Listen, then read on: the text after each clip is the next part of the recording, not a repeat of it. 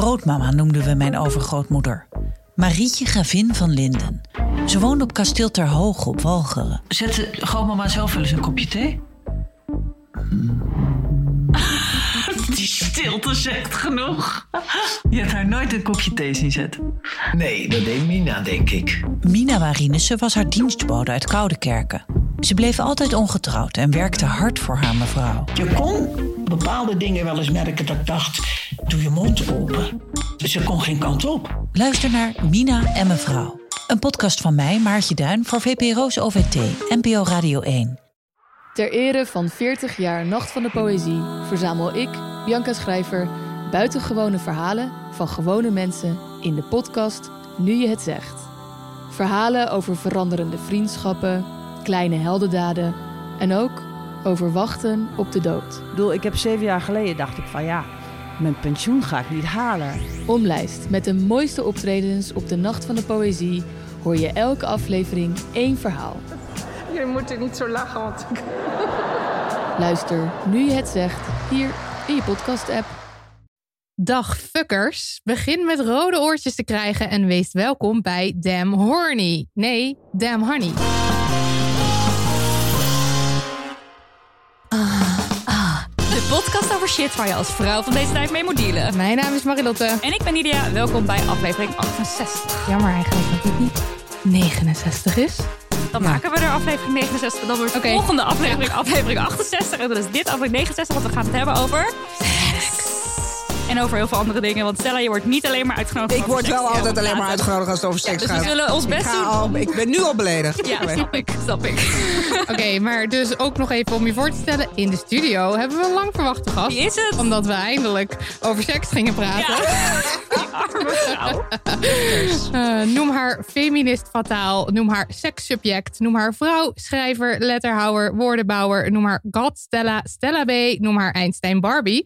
Vorig jaar verscheen haar feministisch manifest Nouveau Fuck. En er staat ook een bijdrage van haar hand in onze bundel met seksverhalen Damn Horny, die over een week in de winkels ligt. Het is Stella Bergsma. Hallo, hoi, welkom. Hallo, jee. Finally, finally. Ja, ik ben zo blij dat ik er eindelijk ben. Nou, wij Ja, ook. We hebben er lang over, over en weer geappt wanneer Ja. je kwam. Ik ben geroerd om hier eindelijk te zijn bij deze Heerlijk. enige echte feministische podcast in Nederland. Ja. Yay. Mag ook wel eens gezegd. We gaan het zo met jou hebben over... Alles? Sorry voor de titel, okselhaar ruimte nemen. Seks, toch wel ook. Ja. Ja, en het nog is veel goed meer. Het is goed mag, hoor. Het mag. Ja, en over Nouveau Vak natuurlijk. Maar eerst even dit. Marilotte, hoe ging jij de feminist in? Ik kijk tegenwoordig Ex on the Beach. Met, Double eh, Dutch. double Dutch met Cato.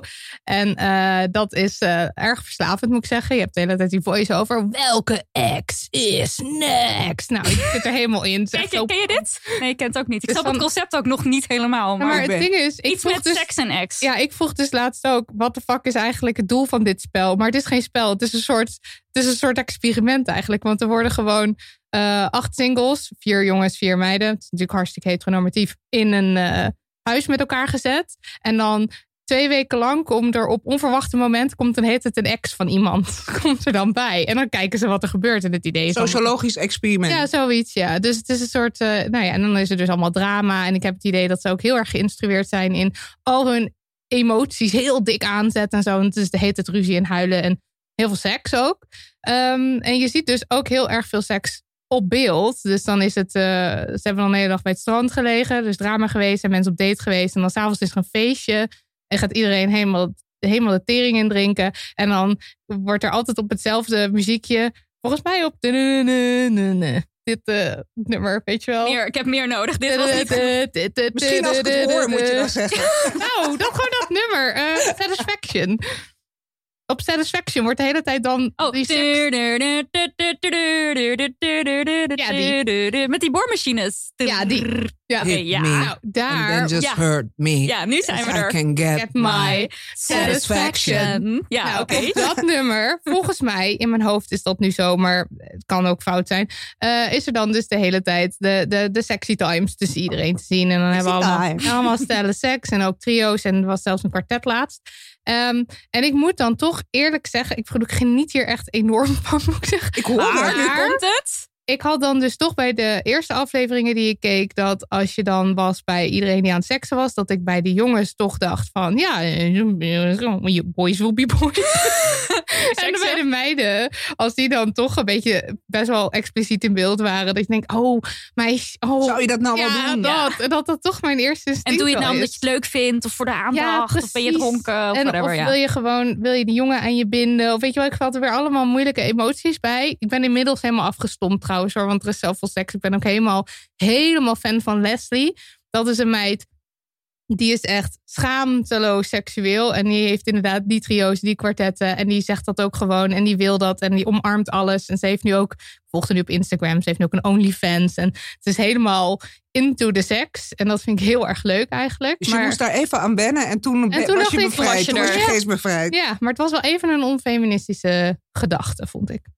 Niet. Ik ging hardlopen en het was, ik ging lang lopen, maar toen ik wegging regende het. Maar toen ik eenmaal bezig was, werd het steeds lekkerder weer. En toen had ik het dus heel warm in dat jasje wat ik aan had, zo'n regenjas. En toen dacht ik, ja, ik wil hem niet open doen, want dan loop ik hier in mijn sport BH. Toen dacht ik, Stella Bergsma, sorry voor de tieten.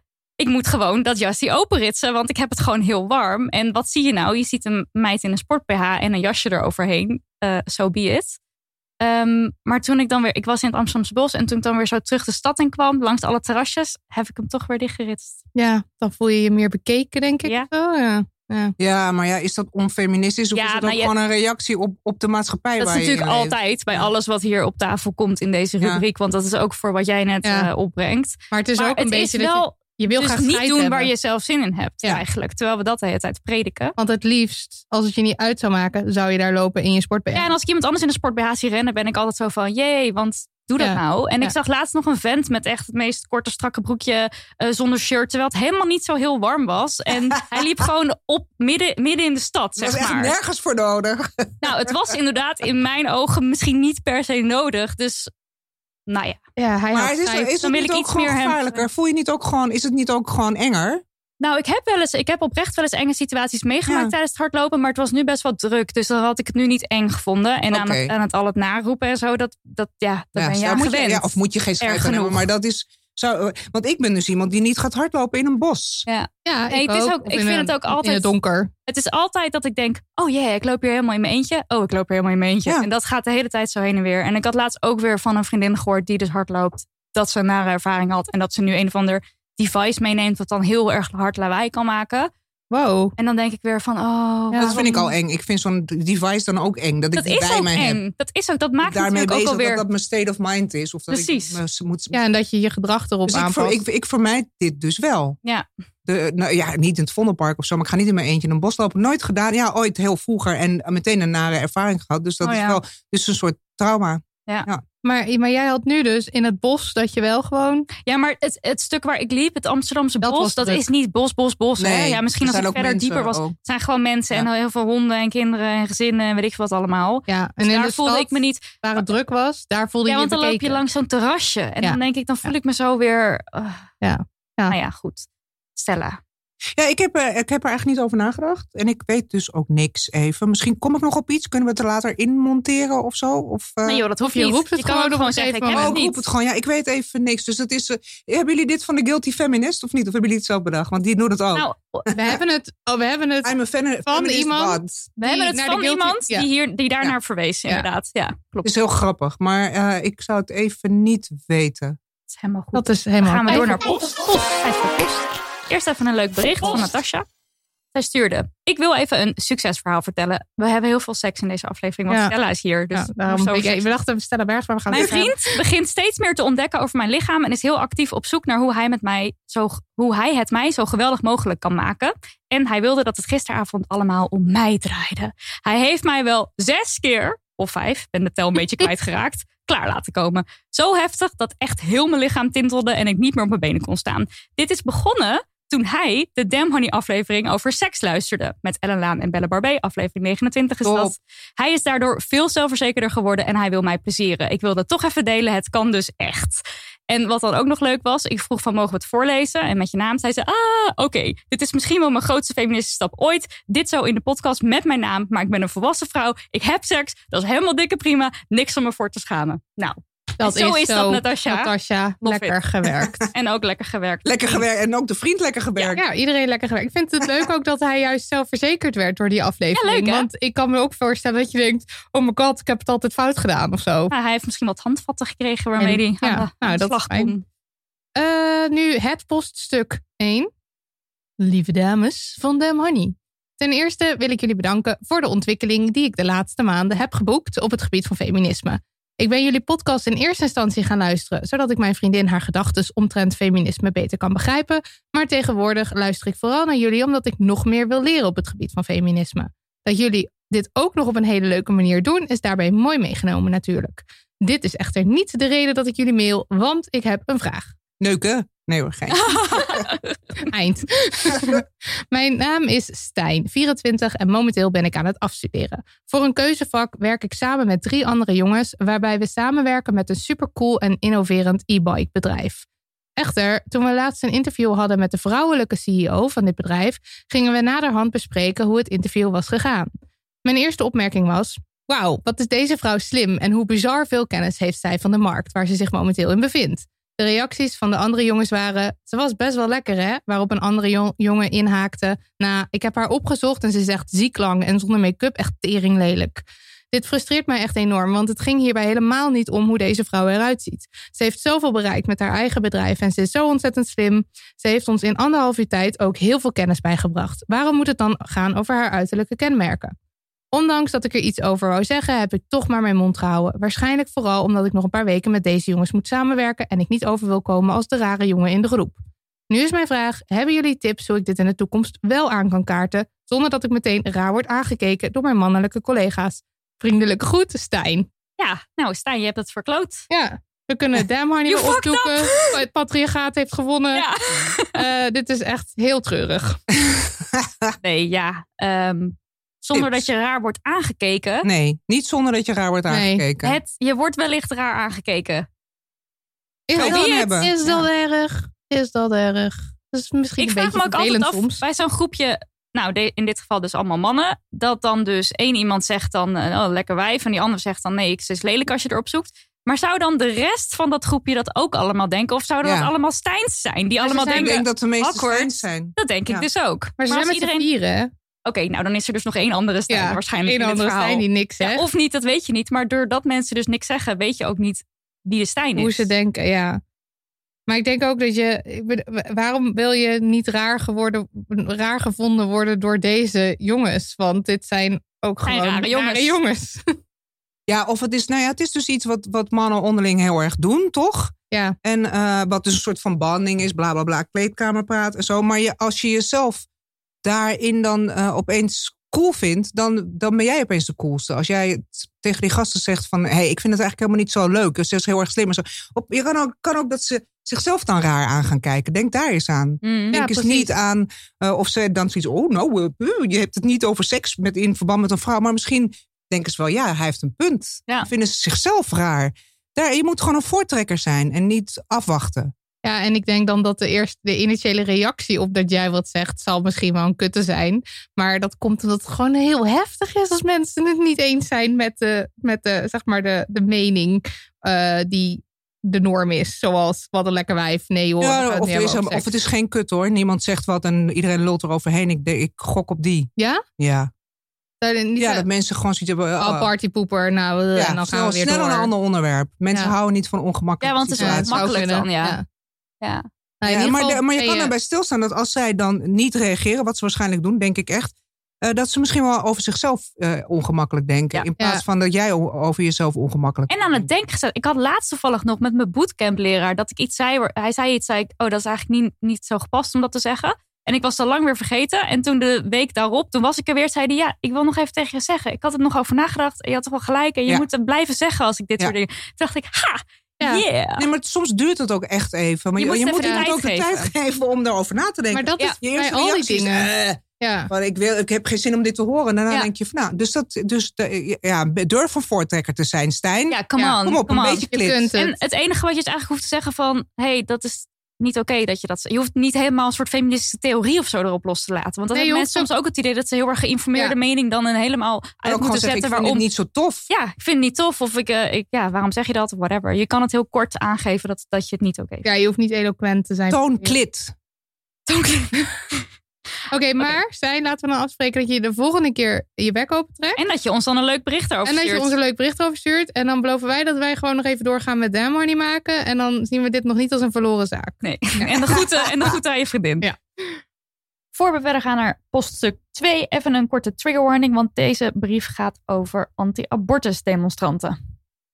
Oké, hey Nidia en Marilotte, want we hebben twee poststukken. Want we dachten, Stella heeft, heeft wijze woorden. Mhm. Ik zat laatst op maandagmorgen op mijn fiets naar werk. Ik fietste over de Beeldstraat in Utrecht, volledig in gedachten verzonken. Tot ik ineens aan mijn linkerkant een bord zag met een tekst in de trant van... Heb je de eerste abortuspil genomen? Je kan nog terug.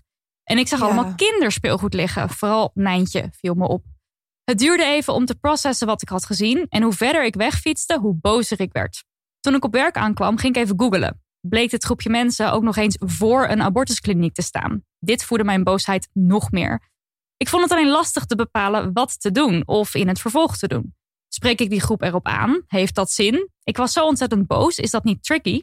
Aan de andere kant voelt het ook niet goed om helemaal niks te doen Ja. en dit gewoon te laten gebeuren. Ik ben benieuwd hoe jullie erover denken. Ik krijg het niet meer uit mijn hoofd. Keep up the good work, Marjolein. Heftig, wel heftig Ja. probleem. Wat moet je daar nou aan doen? Ja, en En ook is dus zo, als je eh, een groep mensen is niet voor reden vatbaar, zeg maar. Snel. Nee, dat denk ik ook niet. Nee. Nee. Dus dan als je kom je daar als zeggen, hé, in wat zijn jullie aan het doen? Ja, misschien dat zij dan hetzelfde doen als wat jij net zei, van dat ze er later over nadenken. Maar ik denk dat In dit geval eh, niet, toch? Nee, want een- zij worden toch de hele tijd aangesproken Ja. of, eh, of is commentaar op hen. En ze Dit zijn mensen die zo aan. overtuigd zijn van Ja. het gelijk. En die dus speelgoed meeslepen en borden meeslepen naar zo'n kliniek om daar actief te gaan En zo'n demonstreren. klein poppetje om te Ja, laten soms zien hoe groot je misschien niet, soms is het misschien niet het doel van diegene die die brief schrijft om die mensen te overtuigen, maar gewoon om zelf je bek open te trekken. Precies, Ja. ja. Dus misschien heeft het daar nog wel zin voor. Dat je gewoon naar die mensen toe gaat en zegt van... wow, wat jullie doen is best wel... ik bedoel, Dat zou Of gewoon je middelvinger opsteken als je langs fietst. Nou, ik word er, mijn, ik word kan er je, wel dat kan lekker zijn. ja, ik word er wel altijd heel agressief van. Ik doe dat nooit, dat soort dingen. Maar misschien is het wel lekker, ja. Maar hebben jullie niet, tenminste ik heb dat altijd als ik dit soort dingen lees, dat je echt zin hebt om daar gewoon heen te gaan en net te doen alsof je een abortus, abortus gaat laten doen. En dan gewoon hele chockerende dingen tegen die Zoals mensen wat dan? Zoals, nou, ik ga, dat, ik ga die lekker uit me laten snijden. Nou, Of hou mijn fetus, mijn foetus Mensen, eruit laten stop. zuigen. Oh, stop. Ja, nou dat. Maar dit is dus echt heel. Ja, ik weet, sorry voor het chockerende woorden. Maar daar, dat, dat, die agressie werkte dus heel erg in mij op. Nou, waar ik dus aan moest denken. Er was laatst een actie op Twitter van Minke Havenman. En dat kwam omdat in Groningen er voor de abortusklinieken blijkbaar ook heftige protesten gaande zijn. En zij heeft toen bedacht dat je een brief kon sturen naar de burgemeester. En Ja, dat was heel dat makkelijk. was, heb ik gelezen, ja. Ja, dat was erg geweldig. Dat was heel makkelijk. En wat zij daarin doet, is vragen of het verplaatst kan worden. Want mensen, er is demonstratierecht. Hè, en daar beroepen al die burgemeesters altijd op van ja, het mag nou eenmaal. Terwijl in Arnhem is er dus besloten dat in een straal van 500 meter om een abortuskliniek mag je niet protesteren. Ja, nou, dat is, Dus- dat is nuttig. Ja. Precies. Als je, kijk, die mensen die ga je denk ik niet overtuigen. Dus Nee. je, ja, tuurlijk, als jij boos wil schreeuwen of zo, ja, be my guest. Als je shockende dingen wil zeggen, doe het. Maar als je, denk ik, als je echt iets wil bereiken, Ja, stuur je nee, burgemeester een brief. Ja. Denk ik dat dat meer kan helpen. En wie weet, als meer mensen een brief sturen, dat dat, dat, wel landelijke regel mensen wordt. Niet, niet eh, mensen lastigvallen die abortus willen plegen. Want het is gewoon vervelend. Het is al vervelend genoeg, zeg maar. Precies. Ja. En ja, Maar eh, ik, ik snap wel die provoceerneiging. Of, zo. of ik snap Ja. wel. Nee, maar het is ook nuttig om jezelf te uiten, namelijk. ja, Ja, maar dat ik is denk natuurlijk dus- ook onderdeel van je hele, jouw hele pleidooi altijd. Van Ja. wees.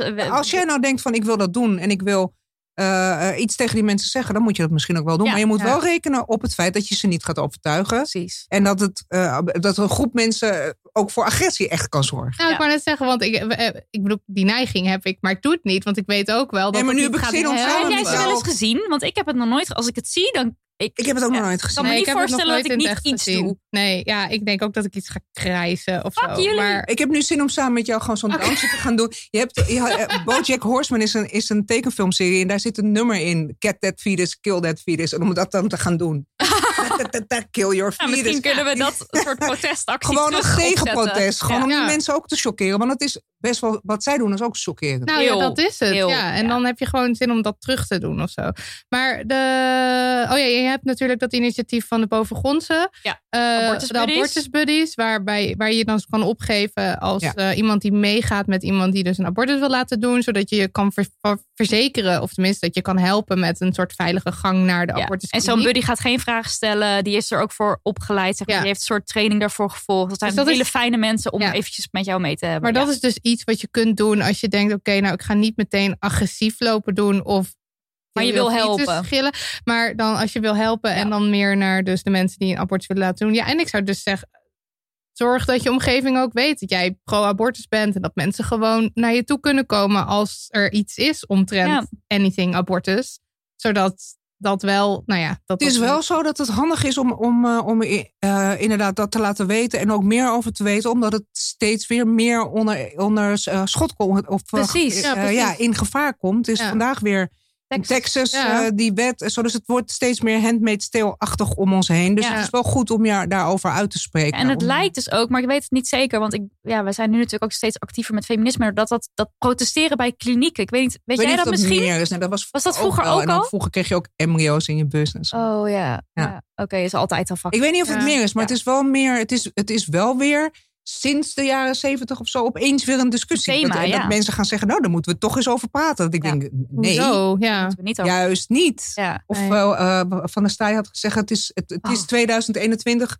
Ja. Dus het is, wat had hij nou gezegd? ja, wat had hij ook alweer gezegd? eh, want, want ik, moest zo, ik, ik was geschokt om die manier van formuleren. Zoiets van, zo denken we nu niet meer. Maar dat was dus, dus we denken nu Andersom. niet meer progressief. Dus dat, Dat, ja. oh, dat vond ik zo eng. Dat ik, dacht van, ik heb altijd gedacht, vanaf dat ik jong was, dat alles altijd beter zou worden. En vrijer en progressiever en zo. Maar Maar dat dat, is dat, dus is niet. dus niet zo. Zo Nee. denken we nu niet meer in 2021.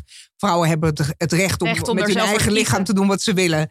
Dat is, van, dat is niet meer van deze tijd. Dat ja, zei hij. dat zei hij. Dat ja. zei hij. Ja. Dat is toch erg? Dat is Ja. niet meer van deze Hij tijd. Dat vind, ik echt een, om. dat vind ik echt een uitdrukking die hoort bij dingen die conservatief Die zegt. reactionair Ja. zijn. Ja. Ja. Ja, dat was heel shocking. Ja. Eh, ja, oké. Nou, ik hoop dat je je uitspreekt. En Ja. zo. Steek Ja. die middelvinger op. Nou, doe dat. Steek of je middelvinger op of doe iets echt nuttigs. Dit is het Ja. middelvinger is voor jezelf nuttig en iets Ja. constructiefs is de burgemeester mailen Ja. of abortusbuddy Maar zijn. even, de burgemeester in Groningen had wel kut gereageerd erop. Ja, toch? dat was ook weer shite. Die had, ja die had gezegd van, doen we eh, niet. Mink, je hebt je punt gemaakt of zo, zei die toen? Ja, want ik word nu overladen met mailtjes. En dat vond hij dan maar vervelend het was natuurlijk. bij Kick-Out Zwarte Piet ook zo dat ze niet bij de demonstratie mochten staan. Dus je kan wel degelijk tegen Dat mensen is- zeggen... ja, ze- dat laat is ze ergens iets. achter een dranghek staan. Met Ja. hun Ja. Ja, ik vind die, maar ik vind dus Arnhem dus een heel goed voorbeeld, omdat het daar al een regel is. En dat helpt altijd als er al een situatie is waar het dus Ja. wel zo kan. Ja. En daar is besloten 500 meter. Nou, helemaal top. Ga maar lekker 500 meter verderop met je borden staan. Ja, Ja, maar dat is alsnog fucked up, maar je hebt je recht om dat te doen. Precies, je hebt je recht om te demonstreren. Want dat, Ja. onder, onder dat mom staan ze daar. Ja. Maar voor Nou ja, mensen ja, niet dat is ook zo. Ze hebben ook het recht om te demonstreren. Niet daar, niet op dat Nee, punt. natuurlijk niet. Nee. Je gaat toch niet mensen lastigvallen die het al moeilijk hebben? Precies. Sponsortijd. Ook deze aflevering wordt weer gesponsord door onszelf. Onszelf heeft bijna weer een nieuw boek in de winkel liggen. Damn Horny. Een bundel vol sexy, steamy seksverhalen. Weg van de male gaze en queer as fuck. We gaan het er zo uitgebreid over hebben, want Stella Bergsma en seks. Eh, en er staat een Damn Horny bonusserie voor je klaar, waar je, waar je ook nog helemaal mee dood gaan gooien. Maar we snakken zo naar een veelzijdiger beeld van seks allemaal, dat we dit boek niet vaak genoeg aan je kunnen aanpraten. Dus je doet het er maar mee. This Koop het boek. Koop het boek. Ik sta er ook in. Ja. Het is Ja. een Ja. heel geil verhaal voor mij. En het is dus ook Ook. echt onze grote droom om dit boek overal in het land, in elke boekwinkel en elke huis op elke boekenplank te zien. Ja, help mee dit doel te bereiken. Pre-order Damn Horny. Nu, nu. Horny. Horny, doe, nu, nu. Want hoe meer pre-orders, hoe moeilijker al die conservatieve types in de boekenwereld om ons heen kunnen. Ja, ik zag dus op Twitter al iemand die werkt in een boekwinkel en die kreeg het dus niet voor elkaar om dit boek ingekocht te krijgen bij haar conservatieve baas. Dus ik, het is eh, even een met feit dat Pussy echt- Album heb ik heel erg problemen gehad. Nou, ja, hier ik ben wel. ingekocht, maar eh, mocht ik niet op de tafels liggen. En, eh, en, eh, en het het wordt zicht. allemaal niet, het wordt niet, niet in het zicht. Ja. Onder de toonbank heeft iemand wel eens gezegd. Ja, het wordt onder de toonbank verkocht. Maar het wordt er allemaal niet beter op, hè, mensen. Dat, Nee. het, het wordt, Nee, en de het, en het- tijden worden preutser en preutser. Dus Dat is, dat En is. het, en het plan is nu dus, als er heel veel pre-orders komen, dan komen we misschien wel in de bestseller top 60. Dat zegt een niet-boekenmens niks, maar een boekenmens zoals ik wel wat. Als we daarin staan, dan is het echt zo dan moeten mensen inkopen. Ja, dan kunnen ze niet om ons heen. Oh ja, en we hebben nog iets leuks. Als je Oh ja. een maandelijkse donateur bent op Petje Af, dan staat vanaf vandaag, en vandaag is dan dus zaterdag, de dag dat deze aflevering online komt, staat er eh, staat ons verhaal wat wij geschreven hebben, eh, voorgelezen door Marilotte in je feed. Ja, ik heb mijn best gedaan, mensen. Ik heb mijn best gedaan. moeilijk, dat hè? wil ik graag zeggen, nog even. Oké, pre-order. pre-order Damn Horny. Ja. Maar waar- waarom moeten ze eh Dem Horny niet alleen maar uit ideo- ideologische overwegingen, maar waarom is het leuk om dit boek te kopen? Maar daar gaan we het nu over we het nu hebben. over hebben. Oh. Ga gewoon meteen door. We moeten het even Ja. hebben over. Want dat, ik wil dat de mensen gemotiveerd Ja, zijn. dat gaan we nu doen. Seks, mijn favoriete Seks. onderwerp. Seks, feminisme, ook zo haar. Vrouw spelen in plaats van mensen zijn. Mooie uitspraak. Ruimte innemen, tieten. We moeten het hebben over Stella Bergsma eigenlijk. Anything Stella Bergsma. Ja, en de aanleiding dat je hier zit is dus de bijna verschijning van Damn Horny.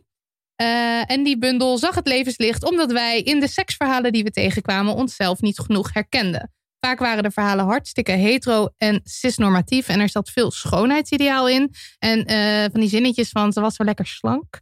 Eh, of over iets over gladder dan gladgeschoren vulva's, dat soort dingen. En dikke mensen, trans mensen en mensen met een beperking vonden we al helemaal niet terug in die verhalen. Behalve dan als een fetish. Dus er moest gewoon wat veranderen.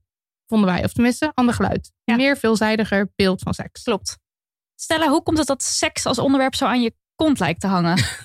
Ja, dat komt omdat ik eh, iemand ben die eh, eh, een grote bek heeft en die vrij schaamteloos is en er dus makkelijk over praat. En het blijft een onderwerp wat altijd ja, wat aandacht genereert, waar mensen door gefascineerd zijn. Zeg maar. Dus als ik andere dingen zeg, dan blijft dat minder lang hangen. hangen. Ja. En ik doe het, ik vind het geen moeite om het over seks te hebben. Je hebt Ik heb het er er geen graag over, maar ik heb het er meer... graag over. Ik vind het interessant. Maar ik heb het ook over andere dingen. Maar die Ja. blijven dan minder hangen. Ik heb het ook over feminisme en over eh, allerlei. eh, ja, ik vind taboes wel vrij leuk. En seks blijft een taboe. Maar ook Ja. andere taboes vind ik leuk. En, en, en ben je altijd zo'n taboe doorbreker Ja, het zit gewoon in mijn aard of zo. Dus het is, eh, het is ook een soort, dat eh, schrijf ik ook in Nouveau Fuck. Ik ben een soort van onbeschaamd of zo. En daar kan ik niks aan doen. Dat is niet, dus ik ben iemand die ze eh, topje, tijdens het hardlopen ze, ze in zijn topje zou gaan lopen zonder door te hebben dat het niet denken. kan. Mhm, ja. Dat ben ik. Dus dat andere mensen zeggen, nee, maar Stella, we gaan zo langs terrassen. De- dat gaat langs mij heen. Heel Ja, veel ja, van dat soort dingen gaat langs mij heen. Dus dat is niet om te provoceren of, eh, of expres. Of ik, maar, maar gewoon, dat is wie ik ben. Mhm. Dus omdat ik zo ben, eh, zet ik het maar in voor de goede zaak, zeg maar. En heb je dat dan altijd gedaan? Ik denk het wel. Het is gewoon Ja, maar ik eh, het las mijn eigen hoofdstuk terug over onbeschaamd eh, zijn. En ik weet nog dat ik vroeger eh, eh, op een gegeven moment ontdekte eh, hoe het was om te masturberen. Of ik ontdekte masturberen en toen Mhm. ging ik het aan iedereen vertellen. Weet je nog hoe oud je was? Nee, maar wel jong. Ja, weet ik veel. Laten we zeggen zeven of acht of Mhm. zo. Weet ik, ik weet het echt niet. Maar ik vond het heel leuk, want ik las dat stukje ook. En Ja. ik herkende het. Maar mm, ehm, voor mij was eh, iemand was diegene die Ja. mij dat liet. Want zij deed dat altijd. En dan hoorde ik, als ik daar kwam logeren, geluiden uit onder haar deken vandaan komen. en dan en toen vroeg ik op een gegeven moment, Wat doe jij daar? En toen ging ze dat uitleggen aan mij. Ja. Eh, en toen eh, ging ik dat zelf toen ook doen. Maar het duurde veel langer voordat ik doorhad dat dat dus masturberen was. Of dat dat seks was met oh ja, ik ook. Ik dat ook. duurde Ik echt noemde, lang. het, ik noemde het mezelf eh, het lekkere gevoel geven. Ja, ik dat wist helemaal ook. niet Lekker- dat het lekker ja, lekker gevoel, gevoel ja. geven. En ik ging dus aan mijn vriendinnen uit, gewoon uit enthousiasme. Ja. Ja. Van, hé, hey, weet je dat dit kan? Je kan dus zus en zo doen. En eh, dan kan je jezelf een heel lekker gevoel geven. Zo moet je maar kijken. En zo. Dus ik ging als een soort, als een soort prediker. Langs ging ik, de deuren. Ja, nou serieus. Zonder dat ik natuurlijk ook wist dat dat, dat, dat, eh, dat, dat nee, niet frowned upon, maar dat dat iets was waar je misschien wel wat besmuikter over moest Ja, ja, ja. praten. Ja. Dat had ik Maar jij deed het ook echt in het openbaar. En, ja, Lang. Op school. in het openbaar als in, ik de wist, klas. Ik wist wel dat het iets, iets was voor jezelf, maar ik Maar je deed deed het wel wel. in de klas. Dus Voor de ik zat- spanning of zo. Nou, nou, ik zat dan, ik had ontdekt dat ik dat kon doen met mijn benen zo tegen elkaar drukken. En dan zat ik dat onder de tafel te doen. niet met te je wiebelen. handen, maar gewoon... gewoon Ja, of dan- of van, weet je wel, dan, Ja. dan pakte ik zo mijn tafel daar voor me vast. Dat die kleine losje. En dan trok ik me zo tegenaan. Dus eh, ik was er wel heel behendig in. Ja, Ja. ik was er erg al. behendig in. Of soms, en op een gegeven moment toen ik... Je kan ook toch een beetje zo je, je spieren, zeg maar, kunnen we nu doen tijdens dat het praten. Ja, kan je gewoon ja. je spieren, je Right here, right now. Ik zou hier kunnen klaarkomen. Kan je, Zou je dan- dat echt kan je Ik denk het aanspannen? wel. Als ik nou even kan focussen, zou ik dat doen, ja. Oh, wauw. Ja. Ik kan het niet alleen zo door dat- spieren aan te spannen. Ik weet niet of ik dat zo... Ja, ik denk het wel ook. Flink focussen wel. ja, wel focus. Ik zou niet het gesprek nog kunnen voeren. Maar dat kan dus, je kan dus vrij veel doen. Je kan creatief met je kut eh, omgaan, zeg Ja. maar, in de openbare ruimte. Zonder Ja. dat je ook maar iets eh, of iemand Wat daarmee lastig is. nou ja, ik valt. vermoed eigenlijk wel dat mijn lerares 6, 7, 8 echt wel wat door had. Hoor. Ik zat de Ja? hele tijd een beetje zo met een groot hoofd. Zat ik daar zo wiebelen. ik, ik zou het er wel eens willen vragen als het door had. Ehm, maar ik weet niet hoe. eh, Het is toch ook heel leuk dat zeg maar kinderen daarin zo onbeschaamd zijn. En die, en die leren dan dus eigenlijk van, van hun omgeving. Wat ik ook niet slecht vind of zo. eh, maar hoe ze dat eh, een beetje moeten intomen. Zeg Ja, maar. dat- maar het is ja. toch eigenlijk heel grappig. Omdat het dus die lading helemaal niet omheen zit voor kinderen. Nee, Daarom is tot, het ook tot, zo- totdat dat inderdaad door volwassenen. Door, Ja. Bij jou was het volgens mij ook je moeder. Ja. Ja, en bij mij ook. Dat, dat eh, noemde ik het volgens mij ook lekker gevoel of zo. En toen zei, toen zei ze daar iets over van, nou, dat, dat is voor jezelf of zo. Maar was Wat het wel Dat, niet, dat vind ik niet een ramp hoor. Dat, Nee, nee, dat dat is voor is jezelf. het- Anders ga je nee. overal lopen masturberen de hele tijd. Wat ik dus al deed. Ja. Wat ik ook al wist Precies, dat dus het voor dat- mezelf was. En was maar- het bij jou ook zo'n soort gentle... Of was het meer schaam, met schaamte eromheen dat je aangesproken werd? Ze deed alsof ze niet wist waar ik het over had. Dus dat Oh. vond ik. eh, eh, Gaslighting een beetje. eh, ja, nou, ja, nee, ze was gewoon gegeneerd door wat ik zei. Ja. Mm. En eh, dus ik vond niet, ze was niet mij aan het beïnvloeden, maar ze wilde het er gewoon eigenlijk liever niet over. Ze schrok ervan dat ik erover begon. Wat mij weer het gevoel gaf alsof ik iets raars zei. Ja. Ja, ja. Dus dat was een beetje. Later hebben we dat wel eh, of uitgepraat, maar hebben het wel over gehad. Maar ze vond het gewoon moeilijker dan ik. Maar ik heb het nooit heel moeilijk gevonden. Dus ik ben er niet door uit het veld geslagen geraakt. Nee. Ik had zo, eh, zo'n vriendinnetje waarmee ik dan de breakout ging lezen. Dat ging over pijpen en beffen. En dat was heel dus- erg met seks op de breakout. Ja, ja, dat vond ik dus dat heel was leuk. ook Ja, wat dat wat je was wilde. En het Ja. was de basisschool en dan had zij het aan haar moeder verteld. En die moeder heeft mij dus toen op het matje geroepen. Dat ik dat niet met haar dochter zo mocht bespreken. Terwijl mijn eigen ouders hebben er nooit iets over gezegd. En ik weet dus nooit of ze het dan niet wisten dat het over seks ging. Of dat ze het gewoon maar lieten. Ik denk dat ze het maar gewoon lieten. Want ze zullen waarschijnlijk heus wel weten wat er in dat blad gestaan had. Maar dat heeft dus wel echt bij mij zo'n beetje, ge, hoe zeg je dat, imprint of zo. Dat stempel gezet van seks, daar mag je niet over hebben. En dat is vies en dat is niet oké en dat mag jij niet. Ja, maar dat is ook raar als een andere ouder jou op die manier aanspreekt, Ja. zeg maar. Ja, want ze had ook kunnen zeggen van... hé, hey, ik zag dat jullie daarover... of ik hoorde dat je daarover Maar waar bemoeit ze zich Als je vragen hebt, Ja, be free om ze te stellen. Ehm, dat had ze ook kunnen zeggen. maakt misschien nog wel meer indruk als een, als een andere ouder Dat, dat, denk tegen ik. je zegt. Dan naar je, naar je Ja. eigen ouders. ja. Want heb je het gevoel dat je iets heel verkeerds hebt gedaan of Ja. zo. ja. En eh, eh, heb jij seks en seksualiteit en jouw vrouw zijn ooit als een soort... dat dat niet samen mag bestaan? Dus het hele, nou, het hele sletvreesverhaal. Sletvrees een van ja. termen die Maar jij ja, ja, ze- ja. hebt ontwikkeld. Eh, maar de, ja. En ook dat je, eh, maar dat is niet zozeer seksualiteit, maar dat je als vrouw op een bepaalde manier moest gedragen. Mhm. om leuk gevonden te worden door jongens en zo. Maar het zijn allemaal dingen. Op een of andere manier is heel veel daarvan eh, eh, langs mij heen gegaan. Of kon ik niet aan conformeren. Als ik beter was geweest in conformeren, was ik een ander mens geweest, Hmm. denk ik.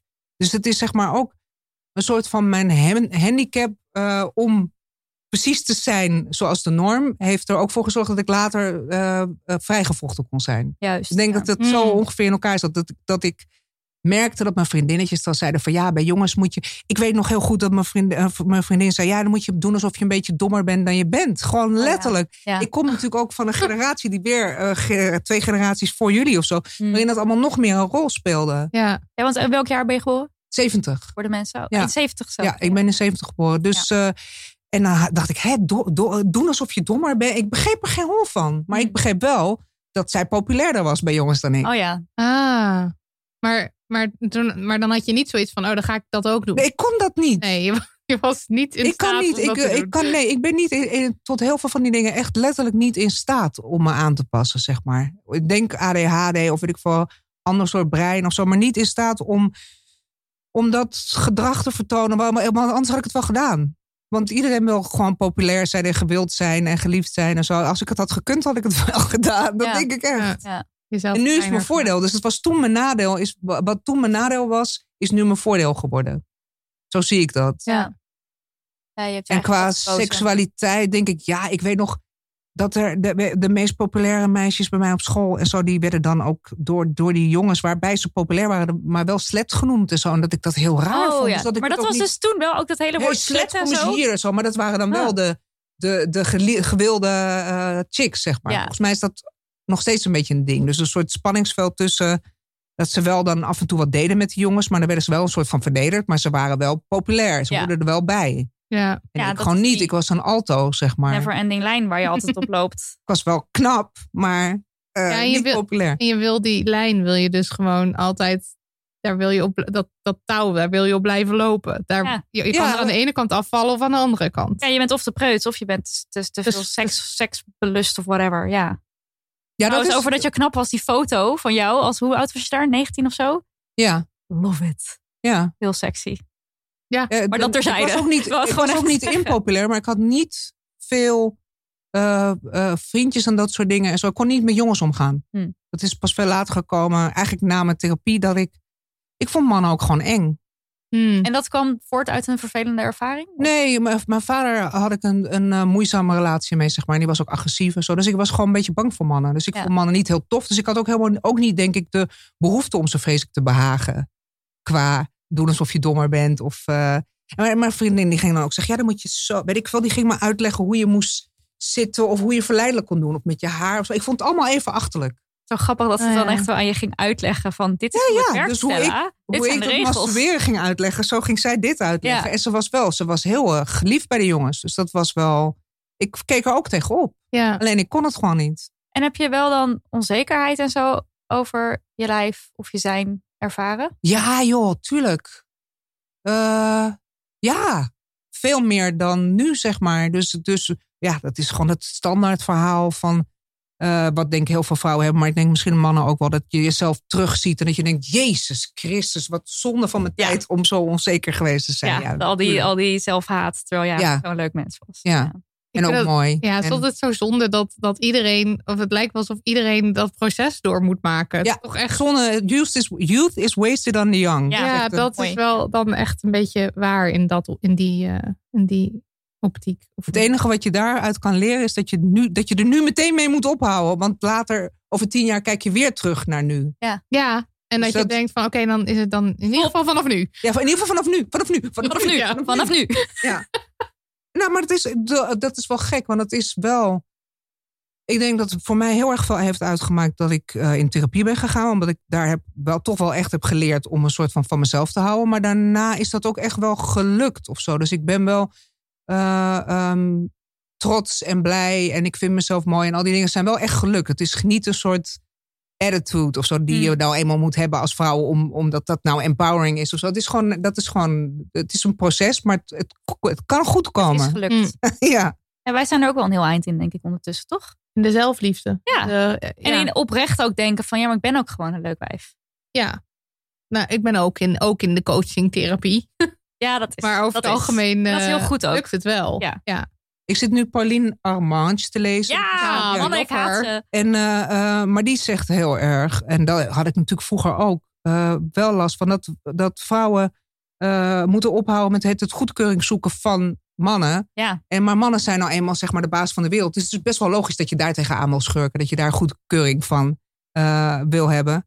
Ehm, en eh, dat toen, toen ik daarmee. En dus die onzekerheid heb je dan wel altijd. Van dat je die goedkeuring zoekt. En eh, Abraham de Zwaan zit ik ook te lezen. En die zegt: mannen zoeken ook goedkeuring van mannen. Niet van vrouwen. Ja, oh ja, oh ja. interest, ja, dat is. Welk boek Ja. is dat dan? Eh, Eh, tegen de vrouwen heet dat. Oké. Maar dat is dat, dus, dus die zijn eigenlijk op zoek naar goedkeuring van hun peers. Dus we zitten allemaal goedkeuring van mannen te zoeken. En niemand is geïnteresseerd in goedkeuring van vrouwen eigenlijk. Maar wat ik er ook lastig aan vind, is los van die Terug. Ja, goedkeuring. terug. Bijvoorbeeld als je het ik hebt ga bier over... drinken. Ja, doe.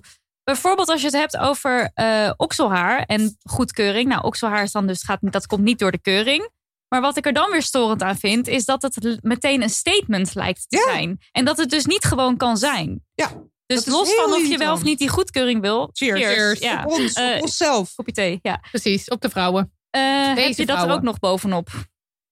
En dat is Dat heel was irritant. vroeger ook al zomaar minder erg dan nu, want nu is alles online. Maar ik had vroeger ook okselhaar, omdat ik gewoon eh, daar allemaal geen tijd voor heb en dat ook allemaal niet kan. Dat is dus ook weer dat conformeren, zeg maar, wat je moet doen. En als vrouw moet je veel meer conformeren. Ja, ik heb dat gewoon allemaal praktisch gezien niet in de vingers. Ja. Het kost me te veel tijd en moeite. Dus dan liep ik vroeger ook met okselhaar rond. Werd ik ook op aangesproken. Dus dat is ook geen nieuw ding. Alleen eh, was het niet zo van, eh, ben je niet op internet, dan krijg je niet duizenden commentaren en zo. Maar was het gewoon iemand, er was op een feestje een keer een jongen die naar me toe kwam en die zei van, eh, ben je een feminist of zo? Dus inderdaad, Oh, ja, dat ja. ik toen al dacht van, oh, dus het, dus het is altijd een statement. Ik kan hier Ja. niet onderuit. Maar Precies. alles wat een vrouw met haar lichaam doet, is een statement. Omdat of het nou lichaam van een vrouw beladen is. Ja, want dat In hebben wij ook, de hele- ook als wij met eh titel laten zien en tepelkwastjes en zo, dan is het ook meteen een statement. Ja, nou ja, dat is natuurlijk ook wel een Nou ja, Nee, maar die de- grap nee, was- de grap Nee, was dat het is geen statement was. Nee, met het, statement. met het Ja, maar eh, ook geen op statement. het boekenbal. Nee, het kan ook gewoon leuk zijn. Dat, is Dat, dat waar. was het Ja. echt. Ja, want, je, want En het iedereen thema was, maakte er iets groots van. ja, thema was notabene Ik dacht ook dat het een was. Rebelse, re- rebellen en dwarssteggers was het thema. Dus ik dacht, dan ga je in een joggingbroek. Want dat staat het verst af van wat dan. En tepelkwastjes. Want lachen, dat hadden we ook tijdens Milkshake hadden we dat En opgehad. toen bleek het En opeens een statement. Ja, dus dat was grappig. Ja. Ja, maar dat is, komt... eh, ik vraag me... En nu wordt het dus ook een statement. Volgende keer we ik het nog gebruiken het nu ook heel erg als statement. Ja. En ik... en- Maar ja, dus toen zag je het wel als iets rebels. Dus Ja, wel rebels, is maar wel het rebellie. thema was rebels. Maar een vrouw is, is altijd extra rebels. Wat ze ook doet eigenlijk, dat is wel interessant. Ja. Eh, en het blijkt ook, dat ik had voor mijn schaamhaarcolumn voor, eh, voor de Telegraaf... een klein onderzoekje gedaan naar schaamhaar. Het blijkt ook dat vrouwen die heel erg veel scheren... eh, minder assertief zijn dat in stond bed. erin. Ja, ja. Ja. Is dat zo? Ja. Is dat een, is dat een Dus, als je, onderzoek? dus dat betekent dat, dat, dat, zeg maar, dat je eh, zoveel tijd besteedt aan conformistisch gedrag. Zeg Ja. maar, dat, en dat je dat dus ook doet met andere dingen. Dat je niet zo assertief bent voor jezelf. Dat je niet zo goed voor jezelf op kan komen. Ja, dus het het is niet ook- omdat je je scheert dat je dus, dus minder assertiever bent in bed. Maar het is een teken van dat je überhaupt dat je heel erg bezig bent met de Oh, man met- behagen. met behagen. ja. Maar Dus ik heb, eh, of behagen eigenlijk überhaupt. ik heb ook wel eens aan een vriendje gevraagd van wat vind jij mooi? Ja. Ja. In plaats van dat we, wat ik zelf mooi vond. En maar het is ook zelf- weer niet zo. Dat is ook wel interessant. Qua van wat eh, heb je gedaan wat niet feministisch was deze week. Het is ook weer wel is zo. Pardon. Dat je, ja, ik heb nu een slokje bier genomen. Dat je, dat je eh, iets doet eh, om iemand, omdat je iemand leuk vindt en je wil iets leuks voor diegene doen. Dat is ook weer niet per se een antifeministische daad.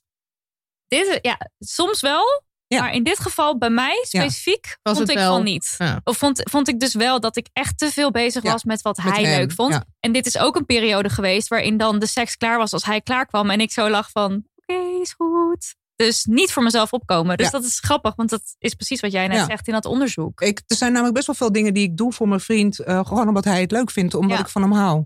En dat, het is heel raar en krom dat ik die dingen niet zou mogen of kunnen doen omdat ik feminist Klopt. ben. Klopt. En dan word ik namelijk best wel vaak op aangesproken. Zo van, oh ja, oh jij, Stella, ga jij...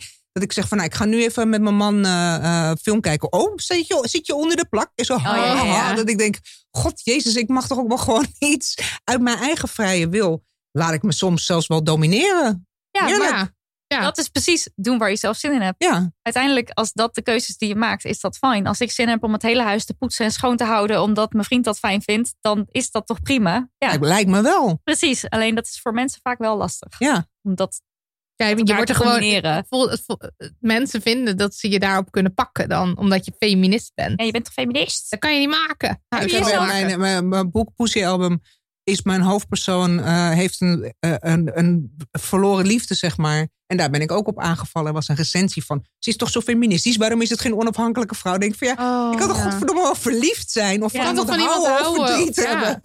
Ja. Nee, Dat dat je kan als niet. feministe dan in je eentje het leven door. Ja, en je moet manaten. Ja. Ja.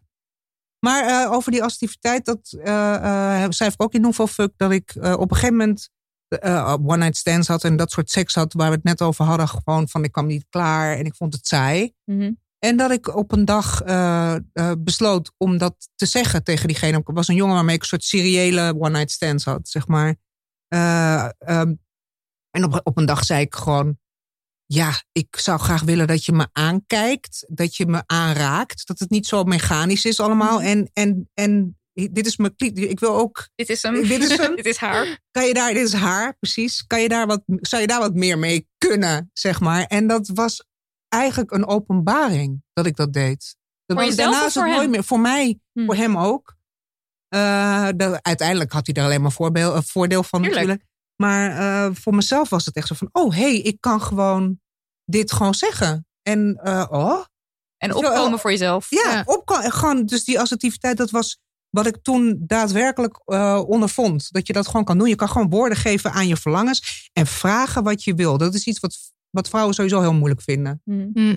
Gewoon Ja. überhaupt, dus niet alleen qua seks, maar gewoon vragen wat je wil. Gewoon vragen om dingen. Is, zit helemaal niet zo in onze eh, socialisatie, zeg maar. Nee, je hebt toch ook al heel vaak dat mannen dan zeggen van ja, vrouwen die vragen het niet, maar die zeggen, zou je, eh, weet je wel, eromheen praten. In Ja, plaats maar van dat gewoon is ook zeggen, echt waar. ik Ik wil denk nu dat- dat je dit denk- doet. Ik denk ook dat mannen daar gelijk in nemen. Ze Ja. zeggen, vrouwen zeggen heel vaak in bed niet wat ze willen. Dus ze zijn ook wel degelijk een gedeelde eh, oorzaak van hun eigen. Ja, ja, van hun eigen orgasmekloof. Van Ja. hun eigen gebrek aan eh, eh, prettige seks. Maar Ja. dat zit ook niet in je opvoeding. Het, wordt, het zit, wordt bij, man, bij jongens veel meer gestimuleerd om voor zichzelf op te komen en Ja. assertief te Om zijn. leiding Ja. te nemen. En, eh, Ja, en, en we leren niet, als we het hebben over seks, leren we niet dat we moeten praten. Nee. Dat, Of is dat er zoiets bestaat als een klit. Want dat staat nog steeds niet in de bioboeken. Ja, Ja, nu één boek eentje. Ja. dit jaar voor Ja. het eerst. Maar ja, je Klopt. moet het ook maar weten hoe het allemaal werkt. En wat Ja. Ellen Laan ook altijd zegt, hè, dus dat, die, die, die nadruk op, op ejaculatie van mannen, omdat die zorgt voor en de penetratie. bevruchting Ja. En penetratie. En, en bij vrouwen gaat het dan om, om menstruatie en, en om zwangerschap en om dingen die helemaal niet per se zo leuk zijn. Het gaat bijna nooit over het vrouwelijk orgasme. Ja, of En over- plezier überhaupt Ja. met elkaar en consent. En, eh, Ja, maar ja. bij mannen is het toevallig zo dat die ejaculatie ook gepaard gaat met plezier. Ja, dus krijg je ja. bij bio- biologie krijg je automatisch zoiets van: hé, hey, dat is dat hele seksding, dat lijkt me wel wat. Stel hun gevoelige plek zou in hun navel zitten of Ja. zo, dan zou het gewoon voor allebei niet zo, eh, niet zo interessant zijn. Precies. Want dan zouden we daar niet over leren. Of juist wel, dat zou kunnen. Maar dus als vrouw, als meisje hoor je veel meer ongemak en ellende. Ja, Ongesteldheid, absoluut. zwangerschap. Tijdens die hele voorlichting. en Tijdens zo. die hele Ja, ja, ja. voorlichting, je denkt niet van nou, de- hier heb ik zin in zeg. Want er wordt bijna niet uh, onderwezen over jouw orgasme. Het is ook zogenaamd biologisch niet relevant. Maar ik denk dat het heel relevant is. Want daar, dat is, het is een beloning waardoor je seks wil. Ja, precies. Maar dat schijnt dan niet relevant te zijn. Waarom niet? Omdat je een vrouw ook gewoon kan aanranden of zo. Ik bedoel, het is toch leuk als zij het ook leuk vindt. Lijkt Zou je mij. denken. Ja, zou je denken. Ja. Heb je jezelf altijd feminist genoemd? Eh, ik noem mezelf eigenlijk nog steeds geen feminist. Ik doe het alleen maar eh, omdat het zo'n beladen woord is. Eh, ik doe heel veel dingen, net als praten over seks. Zo. Ik doe heel veel dingen omdat ik denk van als ik het niet doe, doet, doet een ander het niet, Hmm. zeg maar. De, want ik heb een grote bek, dus kan ik het maar beter gewoon wel doen. Eh, kan ik gewoon, er zijn zat vrouwen en meisjes die nog steeds zoiets hebben van ik wil geen feminist zijn, want het, dan ben je een mannenhater en zo. En dan denk ik van ja, oké, dan ben ik wel een feminist. ben ik het wel. Dan ben ik het wel weer. Maar ik zou mezelf niet, ja, ik, ik noem mezelf wel zo, maar ik vind het vervelend om erop vastgepind te worden om bij een soort stroming te zitten waar je dan de hele tijd verantwoording voor moet Oh, zo, afleggen. ja. Dat vind ik super irritant. Gewoon zo van jij als feminist dit en zo. En dan al die manstructies die ik dan krijg op Twitter en zo. De manstructie. Ja, weet je wel, van eh, je als feminist moet je dit, moet je dit. Dan ben ik liever gewoon Stella of Nouveau Fucker of gewoon helemaal onafhankelijk van wat dan ook. Ik ben eigenlijk niet een goede in een stroming zitter. Hmm. Eh, hadden ook geen een goede vraag- conf. Ja, We hadden een vraag van een luisteraar over die, die krijgt heel veel shit op eh, Twitter, eh, trollen en zo, of gewoon narigheid. En dat je dat dan wel eens deelt. En waarom je dat doet, want, wat zei ze? Wat je Alles aandacht wat, geeft, aandacht, groeit. alles wat je aandacht geeft, groeit. Ja, en alles wat je geen aandacht geeft, groeit gewoon onbewust Door, onder, onder, ja. on- in- ergens in de spelonken van onze eh, ziel gewoon door. Dus dat, ik geloof daar niet in. Hmm. Ik, ik, het helpt helemaal niet om dat soort dingen te negeren. Dus, Dus ook een beetje het blootleggen ervan. Van Tuurlijk. dit gebeurt, dit, dit is wat gebeurt. Dit is ook voor een heel groot gedeelte hoe mensen dus kennelijk over een vrouw als ik denken. En denken dat ze daarmee om moeten gaan of, of me op mijn plek moeten roepen. Of, ik wil dat mensen dat zien. Hmm. En eh, dus dat is een reden. En een andere reden is, anders zit ik er in mijn eentje mee. Waarom moet ik daar in mijn eentje mee zitten? Waarom moet ik dat dragen of zo? Rot toch op, daar heb ik helemaal geen... Ja, Zin in. liever delen dan. En Ja, maar ja. iedereen deelgenoot maken van de Iedereen ellende. deelgenoot maken is voor mij een hele mak- eh, een goede manier om, om ermee om te gaan. Ja. Ik zie niet in waarom ik het moet slikken. ja, Ik slik alleen maar als ik wil. Ja. Komt ie hoor. Hij slikt. Eh, laten we even een stukje voorlezen doen. oh ja, uit eh, Nou- Nouveau Vak. Ja. Dat is goed. Ik wilde de, de, de vrouwtjes oproepen om eh, seks te hebben en om onbeschaamd te zijn. Lovely. Ja, toch? Hmm. Ook moet wel mijn bril. Kan dat? Ja hoor, ja, Ja, want dit wordt eruit geknipt. Ja, of niet. En dan luisteren de luisteraars nu naar hoe je een bril pakt. Dat is Dag lieve prima. luisteraar, Stella pakt haar bril. Pak mijn bril. Dus zet haar Is bril dat op. niet sexy? Dat is sexy. Daarom, ja? Ja. roep ik jullie op, fuckers, om te onderzoeken wat je wil en verlangt. Wat je lekker vindt en leuk. Kom daarachter, experimenteer, speel, heb plezier, heb seks. Ken uzelf, zei het orakel van Delphi. Ken uw kittelaar, zeg ik. Wees klitkundig. Heb lief en doe wat je wil, zei Augustinus. Heb seks en zeg wat je wil, zeg ik. Ik zie dat al veel meer. En dan is er een stukje wat ik niet interessant vind voor, voor te lezen. Ik roep jullie op om ongeremd te zijn, ongetemd te zijn, ongedwongen, onbegrensd en onbescheiden. Onbevangen, onbesuist en onbeschroomd. Doe het voor de sensuele revolutie. Zuig voor je zusters, neuk voor je nageslacht en ruk voor je redding. Tot je overal pijn hebt en plakkerig intens tevreden in slaap dondert. Zodat mensen het aan je kunnen zien, alsof je jarig bent. Op het dak, in de goot, bij je buren, op de glijbaan, in het kolenhok. Met de loodgieter, de vriend van je zoon. Twee vrouwen op een driewieler, tot je gromt als een beest, trilt als een riet, het dondert niet. Laat je niet wijsmaken dat je niet deugt. Laat je niet vertellen dat je iets weggeeft. Je lichaam is van jou. Niemand kan de waarde ervan afneuken. Je verliest niets, wint alleen aan ervaring en bevrediging. Zeg ja in plaats van nee en leer het je dochters. Want wie weet wat ze wil, weet ook wat ze niet wil. Laat je niet wijsmaken dat je een hoer bent als je geil bent. Laat je niet wijsmaken dat je preuts bent als je niet geil bent. Orgasmeer, nooit minder. Kom klaar voor jezelf en neuk voor de emancipatie. Smul van het leven en wees. Voor altijd een slet zonder vrees. Stella Bergsma, Yes. Nouveau Vak. Lovely. Ja, dit is een prachtig stuk. Maar dat hele boek zit vol met dingen dat je denkt... Ja, Ja, Lekker, allebei lekker de mensen opruien. laten we het even over die wezen. De vijf wezen hebben eh, uit de Nouveau Vak. Dus Ja. nou moet ik ze uit mijn hoofd gaan weten. Wees, Wees onbeschaamd, onbescheiden, gevaarlijk, woedend en slecht. Zo is dat. ja, En je schrijft bij Wees Gevaarlijk dat vrouwen gevaarlijker worden. Ja. dat is, eigenlijk, dat is eigenlijk wat ik. eh, eh, dat vind ik eigenlijk nog veel belangrijker. Maar seksualiteit is natuurlijk een ontzettende oorkracht. Hè? Dus die zorgt ook voor gevaarlijkheid. Dus daarom is seks ook iets waar ik vaak over praat en over word eh, geïnterviewd. Maar ik vind dat vrouwen eh, niet gevaarlijk genoeg zijn. En gevaarlijker moeten worden. Maar dan ben ik ook bijna letterlijk een beetje zo als ik nu dus Armandje aan het lezen ben. Zo van, ze zijn ook niet kwaad genoeg inderdaad. Ze zijn ook niet, er is niet genoeg dreiging voor mannen. Eh, in het eh, eh, slecht behandelen van vrouwen. En dat is best wel een bouwde mag uitspraak. Ja, ja, nee, dat, ja. Oh, ik, nee, ik moest even te denken, wat bedoel je nou? Maar ja, er is... Maar dat hele Armange, dat, wij hebben dus een aflevering met haar, eh bonusaflevering met haar gemaakt. En er waren best Met wel wat haar? mensen. Ja, we mochten haar interviewen. Dat is heel Ja. leuk. Oeh, ja, was Maar er waren dus best Wat wel wat vet. mensen die dus offended waren. Ja. Dat wij hadden gepost, mannen, ik haat ze. En Ja. mensen die zeiden van, nou, ik vind het heel vies tegenvallen van jullie. Van damn honey, ontvolg, ik ga niet meer luisteren, whatever. Het is echt taboe om zoiets eh, te Nou, dat- zeggen. maar dat is grappig, want eh, eh, zeg maar iedereen wordt gehaat. Nu ben ik niet voor haat, maar van Joden tot Zigeuners, tot moslims, tot wat hebben we eigenlijk niet. Alles is wel een keer gehaat, maar het enige wat altijd de dans omspringt is mannen. Ja. Dus dat vind ik interessant. Dus ook op een abstract theoretisch niveau vind ik dat interessant. Dat wil dus zeggen dat je, als je daar niet gaat met je gedachten, als je niet in het abstractum gaat, zo van je moet net zo kritisch ook op mannen kunnen zijn en, en ook zo gemeen kunnen zijn. Als je daar niet in je gedachten al naartoe gaat, want ik ben geen voorstander van haat en van geweld, et Dat is ook absoluut wat zij schrijft. Hè? Want Ja. ze zegt ook niet van eh, we moeten mannen in elkaar gaan slaan of Nee. zo. Maar het is voor haar ook een soort maar, theoretisch. re- maar het is wel zo dat als we het wel zouden doen, dat, ze, dat mannen wel een beetje zouden inbinden.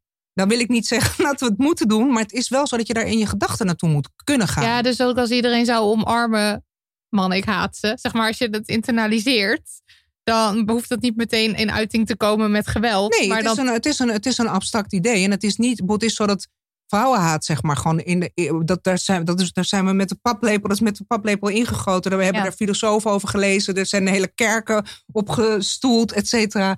Dus dat vinden we heel normaal. Dus dat we daar iets tegenover stellen, is eigenlijk helemaal niet zo gek. En dat wij als feministen daar nooit helemaal heen willen, omdat we dan mannen als bondgenoot willen en zo. Wat ook zo is. Ik wil En ook ook als is. bondgenoot. Dat is ook zo. Maar, maar in abstractum kan je ook zeggen, was zich liep, dat is niks. Moet je ook af en toe gewoon kunnen zeggen, ik ben echt woedend op, Ja, op, wat, ja, er, op, wat er gebeurt, of wat er eh, in de wereld gebeurt, zeg maar. En, en dus dat ik, wat, als ik zeg gevaarlijk, bedoel ik ook dat soort gevaarlijk. Het gevaarlijk waarbij je, eh, ik denk als je onbeschaamd seksueel bent, dat je ook gevaarlijk bent voor mannen. Want dan ben je ook, zeg maar, dan kan je ze ook verlaten en pijn doen en ja, andere mannen met eh, seks hebben met andere mannen en ze gewoon ze op hun hart trappen. Maar je bent ook gevaarlijk als je echt kwaad bent. En als je echt eh, misschien wel dreigend bent of jezelf verdedigt. Of, eh, eh, dus dat, ik vind dat vrouwen daar eigenlijk te, te, te tuttig nog. Ik vind vrouwen gewoon tutjes eigenlijk.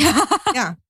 Hebben jullie toevallig De Macht gelezen van Naomi Alderman? Nou ja, ik ben erin begonnen, maar ik vond het.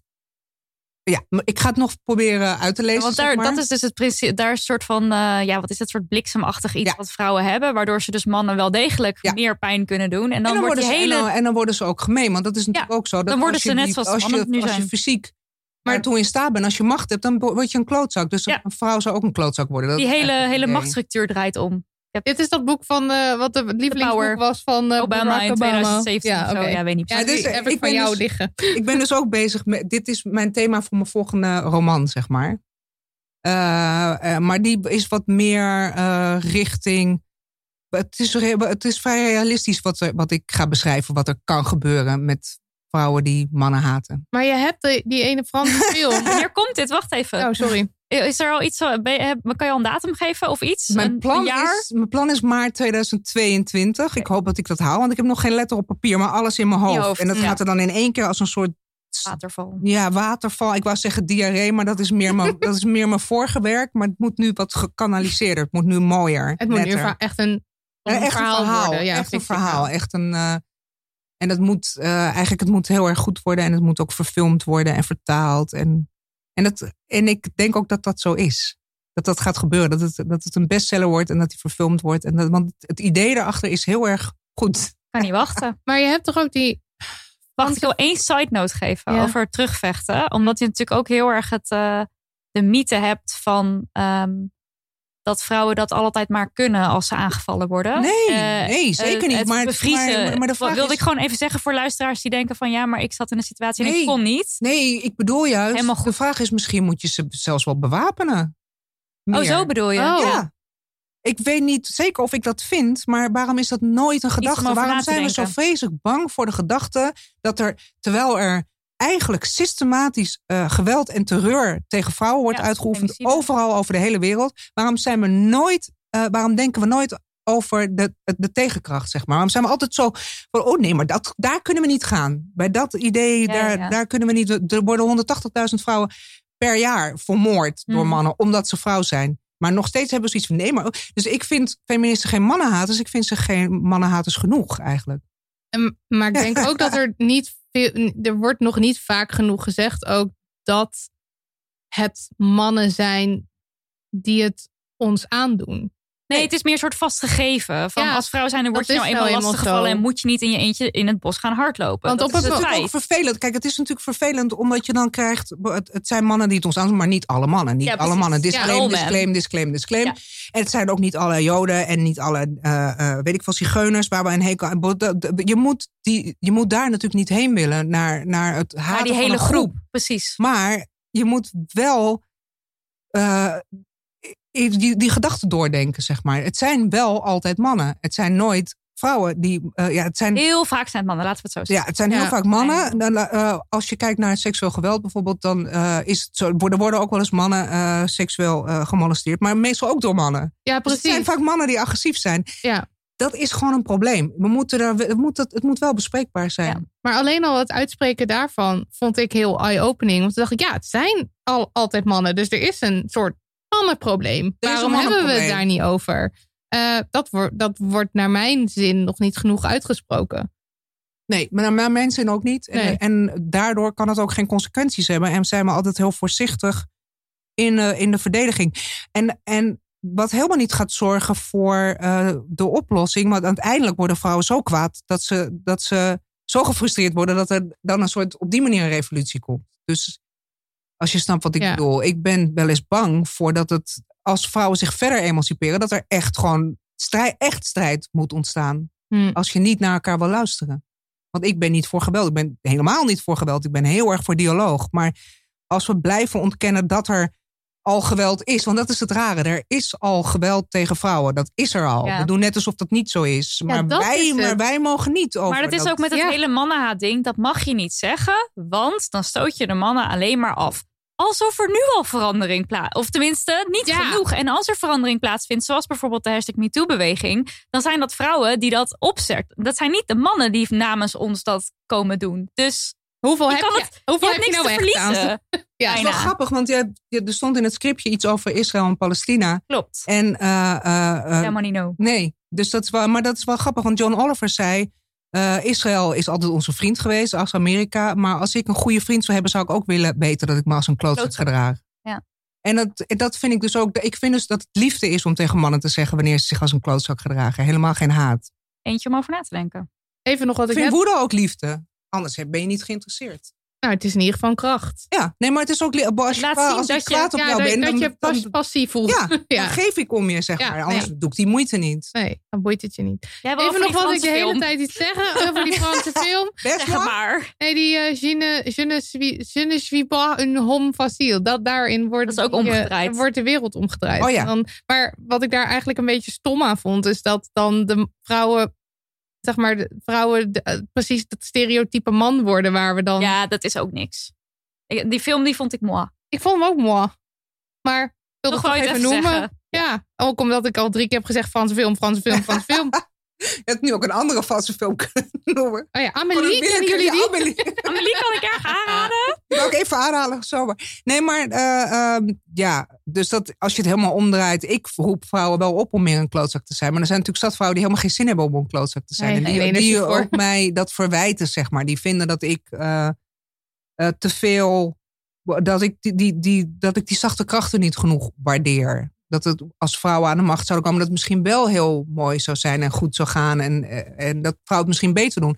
En dat is zo, dat zou, dat zou kunnen.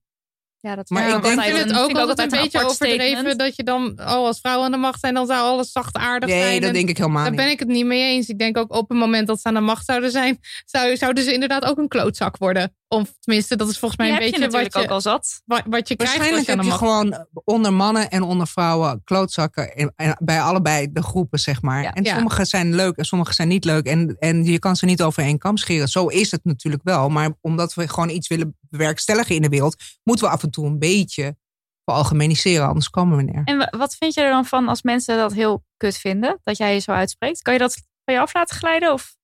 Ik vind het vervelend als dat dan vrouwen zijn die dan. Want daar eigenlijk doe ik het meeste van wat ik doe. Voor mijn gevoel doe ik voor hen. En dan zijn ze helemaal niet blij met wat En ik ze moeten ze me niet dankbaar. Nee, blij zijn. Ja. Ze moeten dankbaar zijn. Maar Ja. zoveel mensen hebben die, oog, die hebben die Ja. oogkleppen nog op en die, de, dat zien ze niet. Maar je hebt ook dat hele cool girl aspect wat je ook in de lijst hebt staan met fuck dit, zeg maar Ja. hoeveel fuck dit. En dat is ook de cool girl die Ja. dus zo is van nee, ik niet hoor, ik ben niet een zeur. Ik, ik vind het allemaal prima, maak mij maar s'nachts wakker voor penetratie. Ik ben het, zelf ik ben voor zelf ook geweest. Ja, ik ook, Ja. ik ook, ik ook, ja. En eh, nou ja, eh, dat nee, ja, je wil dan one of the vrouwen. boys zijn en, en graag door mannen gewaardeerd Ik eet worden. hamburgers. Ja, precies. Veel, Ik heb, nog maar veel steeds wel, saus ik, heb er, ik, vind, ik heb er nog steeds wel last van. Wat ik aan het begin zei, van, ik wil nog steeds wel ja, bijna liever dat mannen me leuk vinden dan vrouwen. Dat is Hmm. best wel. hey, ik heb me. Daar is hij dan. Je, minst, je feminist in. Ja. Ja. Dat is zo. Want die zijn. Ze hebben gewoon vaak meer macht en invloed. Ja. Dus ik wil vaak. Ik wil ook macht en invloed. Dus het is, het is, het is nog uit egoïstische motieven ook. Het is helemaal niet. Oh, ik vind dat, wil dat mannen me leuk vinden. Maar gewoon, ik wil daar zijn waar de, waar de actie is. Waar het gebeurt. Ja. Ja. Dus dat is en niet Ook dat hele ding wat je altijd feminist. zegt over aandacht. Dat mensen zeggen dan je bent een aandachtsgeil of zo. En dat jij dan zegt van ja, Ja. ik wil ook aandacht. Ik Geef me aandacht. Ik aandacht, verdien ja. aandacht. Ja, ik heb wat te vertellen. Ik, ik, ja, dat is ook leven. zo. Ja. Ja, I love it all. Hadden we nog een leuke luisteraarsvraag. Behalve die ik dan net al gesteld had. Eh, zal ik trouwens hier eens even kijken nog? Of je altijd zo ambitieus bent geweest. Ja, volgens mij wel. Ik heb, al- ik heb altijd vanaf jongs af aan gezegd dat ik beroemd wilde worden, sowieso. Ja. Nou, dat is gelukt. En ook een soort van gedacht dat dat mijn, eh, mijn lot was of zo. Dus niet eens, want je kan het zien als aandachtshoederij of als- als ambitie. Maar je kan ook denken van, nou, dat is gewoon... Je je kan ook heel spiritueel. Ik ga er gewoon een hele bappie draai aan geven. Zodat iedereen het snapt. Nee, maar dat, dat je gewoon denkt van, dit is, dat is wat er gaat gebeuren. Dat is wat, da- dan, dan kom ik ook het meeste tot mijn recht. Hmm. Ik kom het meeste tot mijn recht als eh, ehm, kunstenaar en als iemand die eh, eh, zich uit, eh, zodat andere mensen denken van, oh, dat kan ik ook doen. Dat is wat ik het beste kan. Ik kan heel veel dingen ook niet, zeg maar. Dus wat ik net al zei, al die conformeerdingen kan Mhm. ik niet. Dus daar heb ik, ik heb er zeg maar mijn kunst van gemaakt om me dan niet te conformeren. Zodat mensen die zich niet zo, eh, die zich eigenlijk voelen zo van ik zou willen dat ik het kon, dat die zich wat geïnspireerder voelen. Ik had het met jouw boek laatst. Of Absoluut. laatst. Ik had het deze week met jouw boek dat ik dingen las. En dat ik dacht, oh, nou, Stella, dat Ja, maar ook met die sport BH, toch? Het is Ja. gewoon, je, je hoort het, je ziet het, je bent een voorbeeld. En je denkt, als Stella dat doet, dan moet ik dat ook doen. En Ja. dat is wat je doet. En dat is is, fantastisch. eh, ik denk dat ik dat eh, dus vroeger al dacht van dat ik dat later zou moeten. Dat, dat, dat ik dan in ieder geval Je best het op mijn recht kon. Ja. Ja, Nou, Judith. nou, dat, is, dat is je talent. En eh, Ja, hoe, dat is mijn je, talent. ja. ja. hoe Ja. je kijkt naar werk. En dan tussen haakjes fulltime werk. Dus ik denk dan de hele parttime prinsesjes discussie. Denk oh ja, ja, dat die oh daarmee ja. bedoeld God, wordt. Ja. Ehm, ja, ik ik denk dat het beter is als iedereen parttime zou werken. Ik Nou, denk ja. dat het ook beter is als er niet zo achtelijk veel nadruk zou liggen op, eh, op de economie en op economische groei. En op kapitalisme. Kapitalisme. Dus ik vind, eh, ja, dus ik vind dat hele Sander Schimmelpenning eh, verhaal van dat dat niet geëmancipeerd is van vrouwen om deeltijd te werken eigenlijk heel stom. Ik vind dat we Mhm. allemaal die kant op moeten. En ik vind het heel irritant, want vrouwen hebben heel erg veel meer extra Ja. taken die, die waar hij niet Anderhalf bij keer meer onbetaalde zorgtaken nemen Precies. vrouwen op zich. Ja. Precies. Dus dat, en dat eh weten we. Ik denk dat dat nog een hele MeToo-achtige situatie op een gegeven moment gaat eh, eh, ver- Rondom veroorzaken. onbetaald werk. Ja, dat vrouwen daarover in opstand gaan komen. Ja. Ik vind het zo lastig, vooral bij Sander Schimmelpenning, omdat ik gewoon weet, hij weet dat toch ook. Hij weet Ja, ik toch weet niet ook of hij dat van weet. Ik wil het misschien niet weten.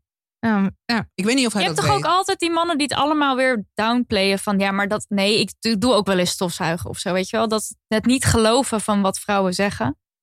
Dat lijkt me zo'n zo'n type. Ja, misschien. Ik kan daar Ja, gewoon niet bij. veel in Zweden en zo. en Daar is een heel ander economisch model. En daar werken vrouwen wel veel. En die zijn wel geëmancipeerd. Maar Zweden is niet Nederland. Dus je kan het niet één op één op elkaar Gelijk. leggen, zeg En maar. daar hebben Zweden heeft toch ook een veel kinderzorg en zo. En, eh, ja, dat, is zeggen. heel belangrijk. en, Ja. en vaders. eh, En hier is het behoorlijk frowned upon als je je kinderen naar de crash. Ja. We hebben een heel, eigenlijk een heel tuttig traditionele Ouderwets. manier van daarnaar kijken. Ja, dus Ja. je zou eigenlijk commentaar moeten hebben op de eh, ouderwetse stereotype verwachtingspatronen en rollen en zo. En dan op dat, dat moet eerst gewoon gelijk getrokken Ja, worden. maar ook het geboorteverlof daarna- en zo. Ja, alles. Ja, je kan wel zeggen van in Zweden, daar werken de vrouwen meer. Ja, maar waar komt het door dat ze meer werken? Waarom kunnen ze die keuzes maken? Daar Omdat moet de je, partner ook precies, daar eh, moet je vrij krijgt. Zou je ooit de politiek in willen? Nee. Denk ik jou. het is ook heel grappig dat ik altijd. eh, eh, er wordt me heel vaak gevraagd van waarom ik activist ben. Of tegenwoordig ook veel. En eh, ik zie mezelf echt niet als activist. Ik ben het tegen wil en dank. eh spreek Omdat je ik je niet uit. kan conformeren. Ja. Ja. Ben je- En omdat ik, eh, omdat ik eh, me uit durf te spreken. Dus dan doe ik het voor anderen. Mhm. Maar liever zou ik willen dat alles prima was. Zodat ik gewoon kunst kan maken. Want dat is wat ik eigenlijk wil doen. Ja. Zodat ik gewoon kan schrijven of tekenen of foto's maken of wat dan ook. Maar op wat voor manier dan ook uiten. En ik zou willen dat iedereen zich kon uiten op, op de manier die die wilde. En dat we hier helemaal niet mee bezig moeten zijn met al die... Ik vind Wat het echt super Ja. saai, eigenlijk. nee, dat is echt zo. Ik vind, ik vind politiek heel erg saai. Het is helemaal niet mijn ding. Ook niet dat gelul over voltijd en, en partijds werk. Jezus, wat een... Nee, ik vind het... Het is helemaal niet... eh, Maar ja, ik doe het gewoon omdat, het, omdat alles niet... Omdat niet iedereen vrij is om te doen wat hij wil. En elkaar ook niet respecteert. En Ja. dat zijn, dat, dat zijn de vervelende dingen van onze maatschappij. Ik Ja. zou willen dat het wel zo was. En overigens, qua die voltijds-partijdsdiscussie. eh, eh, je moet eigenlijk altijd naar het systeem kijken en nooit naar de groep mensen. Dus dat, eh, dat, daarmee wil ik ook even terugkomen op het mannen- en vrouwen en precies. mannenhaat ding. Mannen zijn ook niet de schuld van alles wat Nee, het want hoe systeem komt is. het dat zij zich... Natuurlijk, ja. Dus, dat, dus je moet altijd naar het systeem kijken. Nooit naar de mensen. Maar om erover te praten moet je gewoon af en toe die woorden in je mond nemen. Moet Ja. je zeggen, er moet kritiek op mannen zijn. Of er moet, maar dat gezeur over die deeltijdprinsesjes. Ik vind het een flauw stokpaardje. En eh, ik vind het niet goed en diep genoeg gekeken. Hm. Een flauw stokpaardje, ja, dat Ja. is het. Ja. En ehm, dan heb je ook nog dat gedoe met dat je 50 bent. 50 bent en wellicht En ook nog dan- wel eens in de seks hebt. Oh my Ja. god. Oh my god, je gelooft het niet. Ja. Ja, daar krijg je nu heel veel commentaar Ja, maar dat is dus, het, zeg maar, dus iedere nieuwe levensfase moet ik dan nieuw activisme eh, ontplooien. Waar ik helemaal geen zin in heb. Maar wat ik dan maar weer ga doen. Want ik had ook gewoon 50 kunnen zijn en zin in seks kunnen hebben. Of sexy selfies posten omdat ik daar zin in heb. Maar dan krijg ik dus allemaal reacties op. En dan Dus moet je daar weer ik wat daar weer, weer wat mee.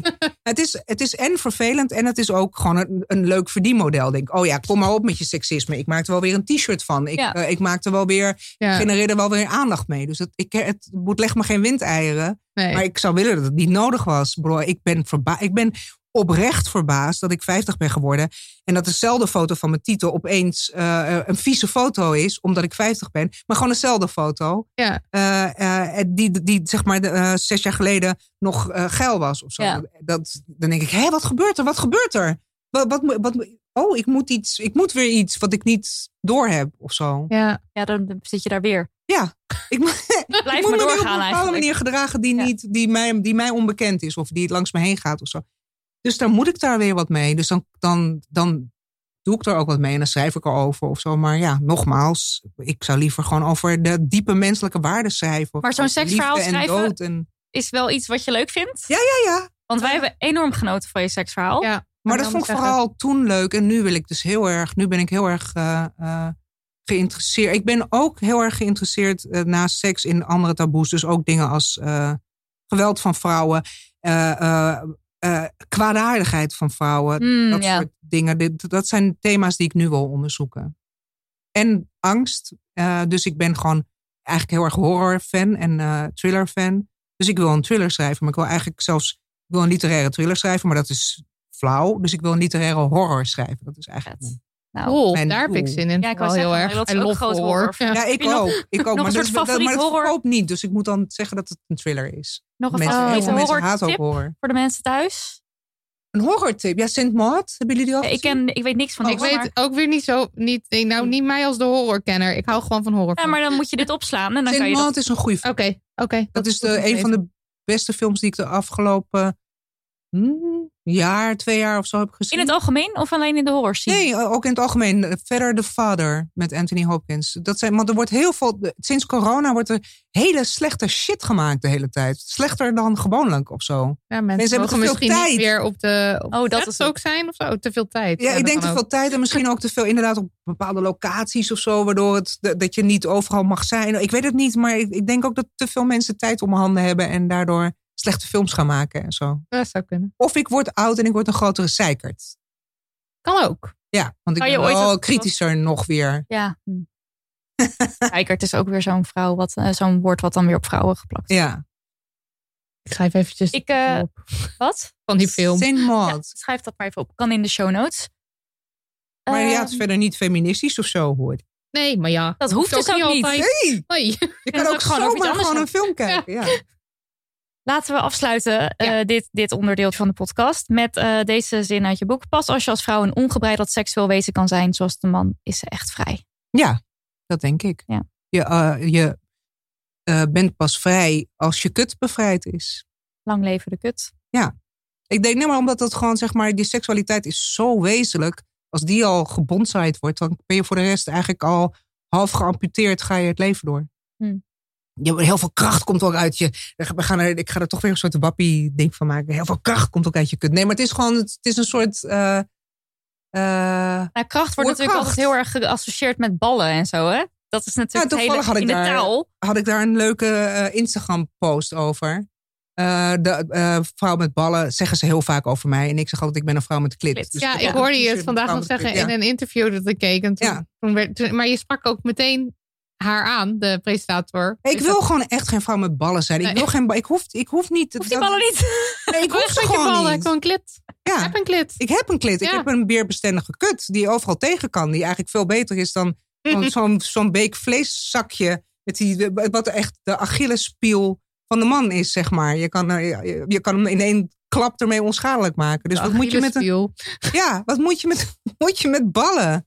En dan is dus het argument van daar wordt testosteron gemaakt, waarmee je, de- en dat moet dan zeg maar eh, het verklaren. Maar, dat, maar wij hebben minder testosteron als vrouw. Dus dan zijn we altijd. eh, Niet altijd, toch? Er zijn fases in je leven waarop je dus evenveel zo niet Oh, oké. meer. Ja. Volgens mij na de overgang of zo, of tijdens of whatever. De- Volgens mij heb je gewoon relatief meer. sowieso testosteron, maar verschilt niet het ook per persoon waarschijnlijk. Volgens mij is het zeg maar biologisch. eh, heb je relatief meer testosteron, maar niet zoveel als mannen ooit. Oh ja, zo. Oké. Trouwens, we zijn nu dit heel, non-binair, eh, heel Ja, ik- binair. ja, eh, ja, mannen ja, zijn de- ja, dit en hebben ballen en vrouwen hebben kut en weet Ja. ik veel wat. Dat is niet altijd zo. We Dat- weten dit. We weten dit. En Disclaimer. Ja, Maar en ja, het wat ook goed is om te zeggen, want we hebben het nu eh, nou, met Stella over, eh, over seks en over damhorny en zo. Maar we hebben dus allerlei verschillende mensen gevraagd om een verhaal te schrijven. Waaronder Ja. ook trans mensen. Want dat Ja, perspectief mist dus jullie juist. boek. Dat vind ik Ja. wel leuk. Nou, Nou. dat perspectief mist dus heel. Ja, eh, ik ben niet super thuis in de seksverhalen. Als in ze bestaan ongetwijfeld. Dit soort verhalen waarin ik mezelf wel heel erg kan herkennen. Ja, en we, toen we bijvoorbeeld Je- Jennifer Lyon Bell eh te Ook gast hadden, toen kwam ik er alweer helemaal achter. Van, er is een hele porno scene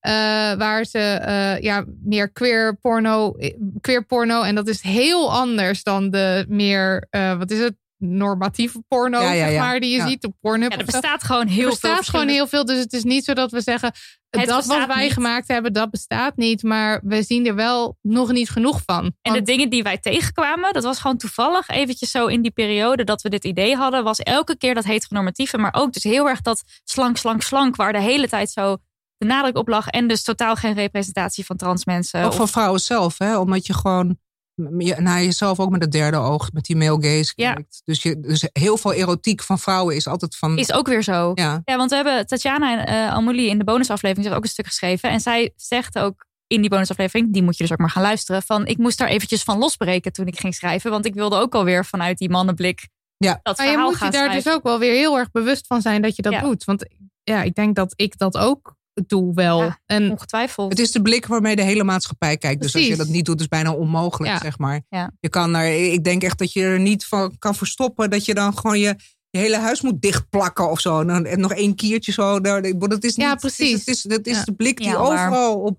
Maar het is wel goed om erbij stil te staan. Ja. ja, en oké, dit hebben we volgens in mijn hoofd hebben we dit al heel vaak gezegd. Waarschijnlijk is het ook zo. Maar ik vond het dus zo ontzettend leuk dat eh, uit de bundel blijkt, omdat we ook fantasie hebben gevraagd van de luisteraars, dat het dus zo ontzettend veelzijdig is. Ja. Dat het echt alle kanten op gaat met wat mensen hot vinden. Dat Ja, is echt. Van de ene leuk. denk je, oh leuk. Van de andere denk je, Hoe dan? Ja, Oké. Ehm, maar we hebben wel dus heel veel erin gezet. Dus het kan zomaar zijn dat als je iets ingestuurd hebt, dat we je fantasie hebben opgenomen. En wat ik ook heel leuk vind, is dat er dus heel veel ook nog echt gebeurd bleek te zijn. Want we vroegen dus Ja. ook om fantasieën, waar, de, waar fantaseer je over? En heel veel mensen stuurden, dit is trouwens echt gebeurd. En dan waren wij zo, yeah. Is Ja. jouw verhaal op iets echt gebeurd, eh, gebaseerd? Het Nee. reuzenrad? eh Nee. Ah, jammer. Ik vond dat zo'n... Nee. Het helemaal voor me. Ik dacht dat ook helemaal voor me, ja. Maar maakt niet Nee, uit hoor. Geef niet uit. fictie. Wij, hebben, wij hebben ook gewoon fictie geschreven. Ja. Eh, maar ook wel toch wel met veel eh, dingetjes van. In elk geval van mijzelf zit er wel veel in. Maar we hebben dus tot nu toe Shedda, Moira Mona en Tatjana voor de bonusaflevering geïnterviewd. En die Leuk. alle drie zeiden Ja. dus van, het is wel op gebaseerd op dingen die we echt hebben meegemaakt. Dus het is gewoon een mengelmoes van van alles. En, Ja. eh, en, en er zitten ook een aantal luisteraarsverhalen in waarvan ik weet dat ze ook gebaseerd hot, zijn op hot, hot. echte dingen. Echt fantastisch. Nou goed, koop dat boek nou maar gewoon. Doe het. Paradoma. Maar dus het is inclusieve seks, zeg maar. Een inclusief eh, seks. Het is een veelzijdig-. Ja, Ja, ik we hebben het veelzijdig. veelzijdig. Ja. Want kijk, eh, 100% ex, eh, inclusief, de, altijd zullen er perspectieven missen. Eh, en eh, bijvoorbeeld heel asexualiteit is nu ook niet aan tafel, is ook niet besproken. Terwijl wij zeggen de hele tijd, geil, seks, seks. Terwijl Ja. als jij geen seks wil, be my guest. Vind ik ook heel interessant, Ehm, ja. En, en het is ook heel erg die norm dat je dat seks en relaties en al Hebben dat wij niet dingen- ook allemaal een soort zo, eh, zo'n heteronormatieve en male-gazerige norm in ons hoofd dat we stiekem denken dat asexuelen gewoon liegen of, eh, of niet? Nou, ik denk dat er heel veel vooroordelen zijn over, Ja. over Ja, dat mensen denk die ik ook. Van, of oh, niet, dan of, heb jij of het nog niet nooit... ontdekt hebben dat. Of, En dus dat- ik zou daar zullen- veel meer over willen horen. Ja, en dat zullen mensen die asexueel zijn ook ongetwijfeld veel terugkrijgen als reactie van, oh, maar jij hebt nog nooit echt een goede beurt gehad Ja. of whatever. Nee, en we zijn dan wel dus heel erg bezig met eh, vrouwen en omarm je seksualiteit en wees geil en kom op Maar voor je omarm plezier. ook je Maar omarm ook je asexualiteit. En ja, omarm gewoon als jij geen zin hebt in seks. Of als je of een niet beetje zit te zin- wachten op zo'n boek met allemaal... Ja, of als je een beetje zin hebt in seks. Soms niet, soms wel. Eh, dat, dat is Maar ook daarom zeg ik ook allemaal in, het stuk wat ik voorlas van laat niemand je wijsmaken dat je een hoer bent als je seks wil, maar laat ook En niemand preus. je wijsmaken dat je preus bent als je geen seks wil. Ja, precies. Het kan ook gewoon zijn dat je geen zin hebt of dat je diegene niet aantrekkelijk vindt of Ja. Want we hadden dus één iemand die is asexueel, die, heeft, eh, die had een mini-fantasie ingestuurd. Dat was namelijk een frituurbuffet. En dan stond er zo achter, ik ben asexueel as fuck. I love it. Ja. Ja. Maar goed, grappig. eh, dus de, zo, ja, inclusief, ja, als in het is veelzijdig, laten we het zo zeggen. En we willen zeker nog een keer een aflevering over asexualiteit maken. Ja, zeker. zeker. Je hebt ook moeten- nog, eh, ja, want daar schrijf ik ook nog een klein stukje over. Dat na MeToo, zeg maar, je een soort van algemene, dat vrouwen nu dan eindelijk hun grenzen aangeven. En daarmee eigenlijk een soort autonome seksualiteit eh, claimen. Dus ze- vanaf daar kunnen ze gaan beginnen met zeggen wat ze wel willen. Maar er zijn ook heel veel vrouwen die helemaal niet weten wat ze wel willen. Nee, dat, Dus dat het daar begint. Omdat je de hele tijd bij bezig bent met je verdedigen. Met zeggen van nee en ik, ja, ik wil en ook, niet. en ook geleerd krijgt dat je je moet verdedigen. Wanneer Ja. een meisje nee zegt. Dus wat wil je dan wel? Daar, daar- we zijn nog niet eens begonnen met daarover nadenken. Ja. Zeg maar. Dus dat is ook heel interessant. En dat vind ik dus zo vet als je Demhoor niet doorgaat. Dat je dus al die verhalen en al die fantasieën en alles wat kan, zeg maar, gewoon eens voor je neus krijgt. Wat vinden mensen hot? Ja, daardoor, ga je bij jezelf ook een beetje te raden, vind ik. Oh Dit ja, nou dat hot vind ik eigenlijk ook wel. nou niet wil ik ook hot. wel een keer proberen of En- niet. Ja, je wil, want dat is toch ook gewoon wat je wil, is ervaringen van anderen horen, zodat je ook een beetje daartoe kan verhouden. Ja, Kijken en die ervaringen horen we te weinig. Ja, dat is echt zo. Goed, Nou. we moeten echt door. We moeten door. Ja. Koop, koop them horny. koop, Am- koop ook mijn toekomstige boek. Oh ja, dat, Ja, en Koop Nieuwe Vak en Pussy Album. en dat En oh, ja, horrorverhaal. natuurlijk ook mijn oude boeken. Waarom Ja. niet mijn oude boeken? Die zijn ook heel Waar je ook relevant. gewoon nog heel, heel veel geld mee verdienen. Koop alle boeken.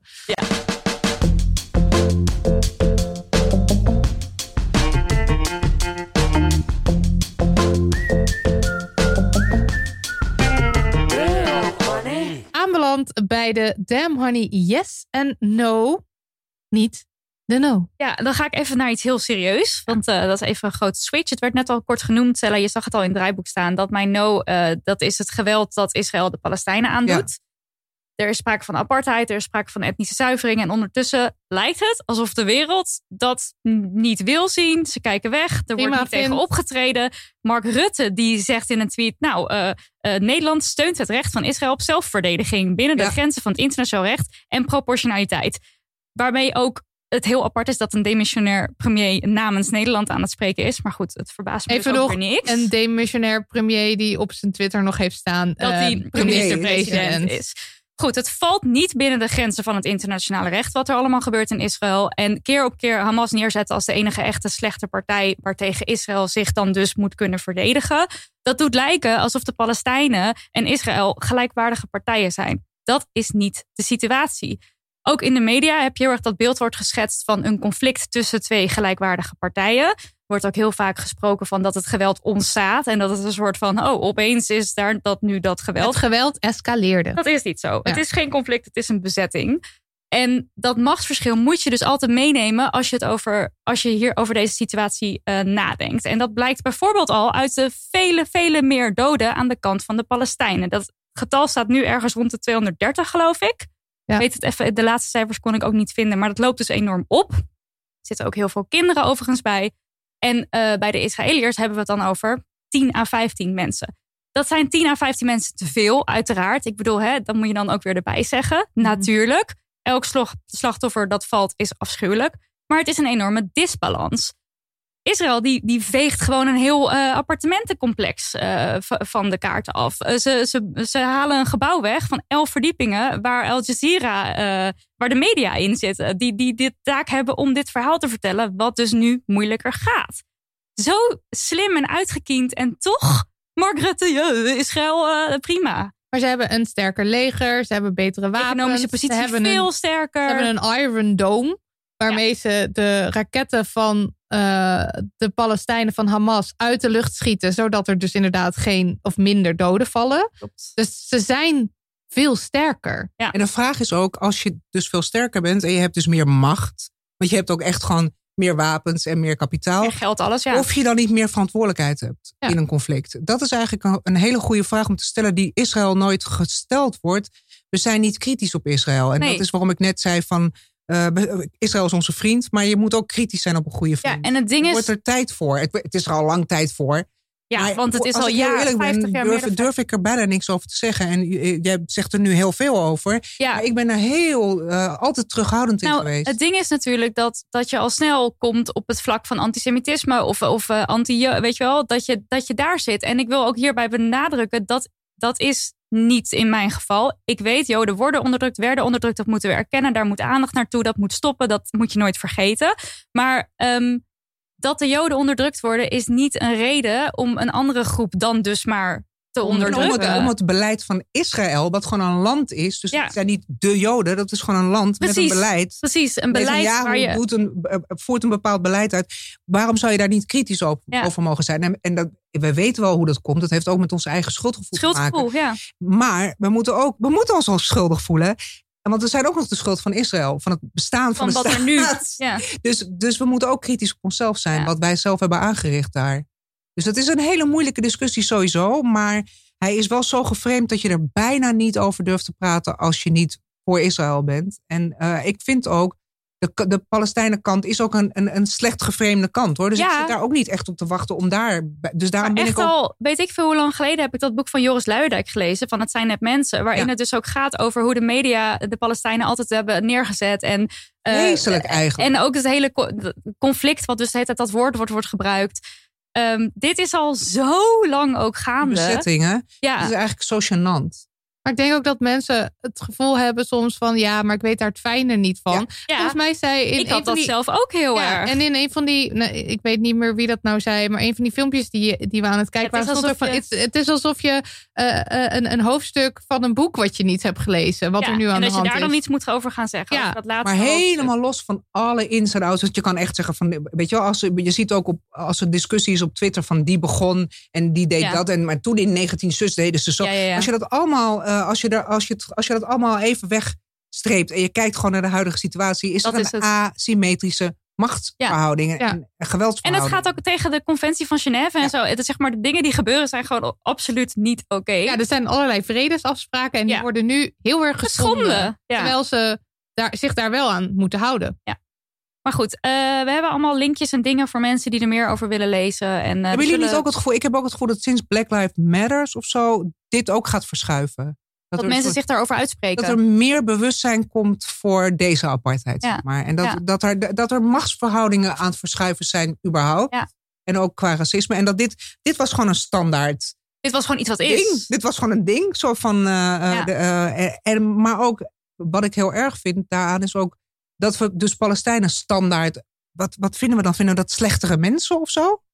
Want dat is de retoriek die ik heel vaak hoor. Is zo van, ja, maar zij gebruiken kinderen. En zij, dus wat zijn ze dan? Zijn ze dan wezenlijk slechter dan? Dat Ja, kan terwijl toch niet? als je erover leest, dan kan ik, ja, ik kan dan alleen maar denken van, ik zou ook stenen gooien. Of als je hoort wat deze mensen overkomt, wat er gebeurt, dan ga je toch in verzet. Dat is toch, nou ja, Ja, ik, vind nou ja, het niet ja. meer dan logisch als, Nee. je, als je leest wat deze mensen nu, dat ze tijdens de Ramadan in de moskee, Worden aangevallen. Ja. ja, ja.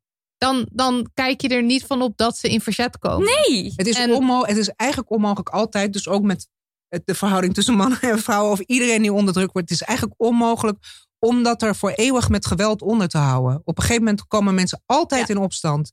Dus het, het, gaat niet, het gaat Israël ook niet helpen om dit voort te blijven duren, zeg maar. De, de- op een gegeven moment komen mensen in opstand. Komt die omslag, ja. Komt er een om- omslag of is er... maar ik hoop- de enige manier is gewoon dat ze nu denken, ja, dan moeten ze vallen ons aan. Dus dan moeten we ze weer eh, ja, een soort van terug in hun hok Ja, dat duwen. proberen Maar dan ze gaan nu. ze, te- dan- ze gaan nooit stoppen. Maar daarom dat internationaal moet daar veel duidelijker tegen uitgesproken. En moet, nou ja, laten Ja, we. het is ook door. gewoon echt heel kut van landen die zich niet uits- uitspreken hier tegen. Zoals wij. Ja, of die Ja. dus actief zeggen: ja, top. Ja, ja. Zoals demissionair minister-president. Marilotte, damn honey, yes. Ja. Eh, ik wilde even stilstaan bij het feit dat eh, Raven van Dorst en Demi Lovato eh, allebei, ja, noem je dat, uit de kast gekomen, naar buiten zijn getreden als nominair. Dat ze hebben gezegd, hoi, ik ben nominair. En ik vind dat heel belangrijk, want het zijn hele bekende mensen en die hebben hartstikke grote platforms. En de media die moeten er nu ook wat mee. En dat vind ik dan gewoon heel lekker, want de media wilden de hele tijd niet aan aan, aan voornaamwoorden en hun in enkelvoud betekenis. En je kan dit niet negeren. Ehm, en het wordt door, door mensen als Demi Lovato en eh Raven van Dorst... wordt het gewoon steeds duidelijker dat het helemaal niet een klein groepje is. Ja. eh, waar we het over hebben. Het is niet, het is niet 0,000% van de... Het, zijn, het is een grote groep eh, die zich als nominair eh, identificeert. Trouwens, dat zou niet uit moeten zijn. maken, maar je ziet dat nu wel. En ehm, toen zag ik vandaag voor het eerst op nu.nl een serieus stuk over non-binair zijn en wat het inhoudt en welke voornaamwoorden je dan gebruikt. En dat allemaal naar aanleiding van Demi Lovato, die dus eh heeft gezegd dat ze ja. non-binair is. En dat heb ik nog nooit gezien. Dat opent het gesprek ook. En het AD had er een, eh, een artikel over, over eh, hen. En daarin werd ook echt hen en hun gebruikt. Ja, want wat je heel vaak ziet is dat ze het keihard ontwijken. Hè? Er Nou- staat er gewoon Raven. Ra- ik weet niet of het Nee, er Raven of staat Raven dan- is trouwens. Maar er dat staat dan Raven. de artiest, de 28-jarige Precies, ja. Lovato, Demi. En dat is el- heel irritant. En dat is dan ook heel erg van, oké, maar je draait er nu gewoon omheen. Accepteer gewoon dat dit de voornaam, voornaamwoorden zijn die mensen willen gebruiken. En Wikipedia wilde dus ook niet aan, want bij de Wikipedia van Demi Lovato wordt nog de hele tijd haar gebruikt. Ja, maar dat heb je ook nog, want er gaan ook nog Maar steeds ja, heel veel mensen. geef het tijd dan, hoop ik. Ik denk dan mensen Ja, moeten is wennen. ook. Maar ik vind, ik, Ja, ik wil, je, je kan net zo goed niet hoeven wennen, maar mensen moeten altijd wennen. Maar soms denk ik ook van ja, Het is meer dat wel wij het genoeg gewend. Maar lekker nu, vinden om er een beetje druk op te zetten dat dat Ja, wennen nu dat wel we dat is. zo. benoemen. Want je hebt toch gewoon een eindredacteur. En die kan toch altijd gewoon Ja, een goede voornaam worden. Tuurlijk. En waarom kan het maar er zijn heel veel mensen die er echt nu nog tegen zijn. Hè? Dus het is niet eens een kwestie van wennen, maar gewoon mensen die, die dat weigeren. Klopt, klopt. Ja, oké, en dat maar is op Wikipedia met Jordan. Ja. Peterson, zeg maar. Maar er zijn mensen in Nederland die ook... En die ook gaan zeggen, in, Nederland, in het Nederlands kan het niet. niet correct. La, la, la, la. Ja. Ja. Maar is het niet, eh, was het niet zo dat Van Dalen of zoiets nu heeft gezegd van hen, hun als voornaamwoord? Ja, ze had dat iets is, dat gelezen, is ja. nu iets of dat Ja. is nu... eh, Maar veel eindredacties van kranten en zo, die vinden dat dat niet kan. En Nee. ze moeten dus daar omheen werken. En terwijl het gewoon in de richtlijnen zou moeten worden opgenomen, dan kan je niet anders. Ja, er zijn hoort het erbij. Veel mensen die zeggen van ja, het is verwarrend, want hen dat verwijst dan naar een groep en dat kan dan niet. Terwijl je hebt ook gewoon zij is ook soms voor een groep of voor. Ja, en dat zeg maar, kunnen we wel allemaal. Zat voorbeelden van woorden die meerdere betekenissen hebben. Deal with it. En anders dan gebruik En hoe fijn is het trouwens? Ik, eh, die en dienst Ja. vind ik zelf eh, prettig om als ik dus niet weet over wie ik het heb.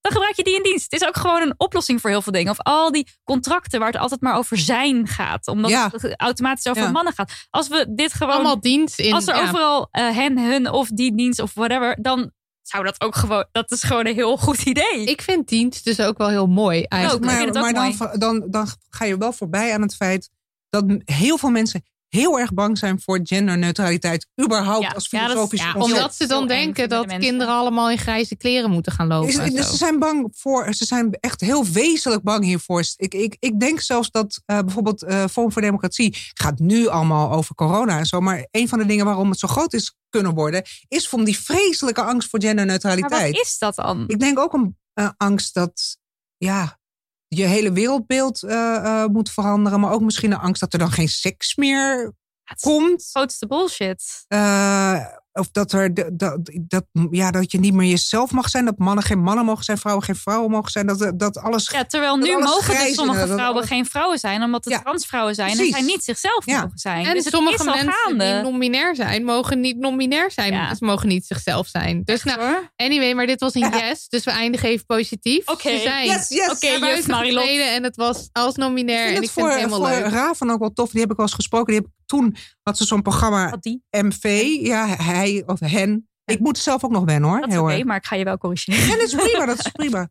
Eh, ehm, en eh, eh, toen zei hen dus, toen ik haar hen sprak, vroeg van kan ik iets zeggen over non-binair zijn en zo, dat hen daar niet mee te maken wilde hebben, meer. Dat, dat had afgesloten en Mm. daar heb ik nu geen zin meer in en al dat gedoe en zo. En, en nu, ik denk dat dat heel al die tijd heeft gesudderd Ja, en er nu toch uit moest komen. ja. Ja, omdat, dus dat is een eh, bevrijding, denk ik ook. Dus ja. dat je zelf ook denkt van, eh, ik krijg het het vragen en zo. En toch, En nu is het ja, eruit. Ja, maar eh hen schreef ook dat hen zich de hele tijd had geprobeerd te, te passen in, Ja. in de mal vrouw. Ja. Maar dat, en Om dat te laten zien van dit kan ook, ik kan ook zo op deze manier kan je ook vrouw, vrouw zijn. zijn. Maar ja. die mal die bleek gewoon, ondanks Toch dat niet groot breder genoeg. probeert Ja. te maken, niet groot genoeg. Ja. En dat dat dan nu zo'n bevrijding was. Ja, dat vond ik heel mooi. Ja, dat vind ik ook mooi hoor. Ja. Dit was aflevering 69. Nice.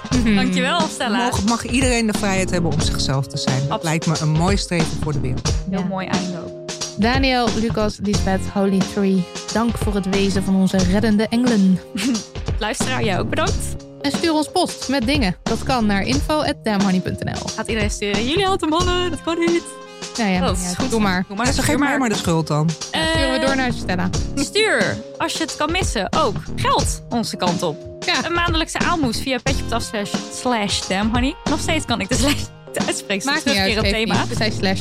Eh, Eh, maar als je dat dus doet, dat is leuk. Want dan krijg je allemaal extra's, zoals bonusafleveringen en zo. Maar dus ook dat seksverhaal wat wij geschreven hebben voor Damn Horny. Dat staat dan dus nu ook in je feed. Dus doe dat. Ja, Vanaf wordt 1 gelezen eurotje, 1 eurotje voor- per maand is al genoeg hè. Meer mag altijd, maar 1 eurotje per maand is genoeg voor al die exclusive bonus content. Nou ja, en ik zeg het nog maar een keer. Pre-order, damn horny. Of doe het niet. Ja, altijd zelf weten, maar doe maar wel. Ik vind het wel leuk hoe jullie doen. Nou, Ja, gewoon het, ja, dus neem maar gewoon hoe jullie afwisselen. Zo, jullie zijn heel professioneel. oh bedankt. Dank, dank, dank. Doei. Doei. Doei!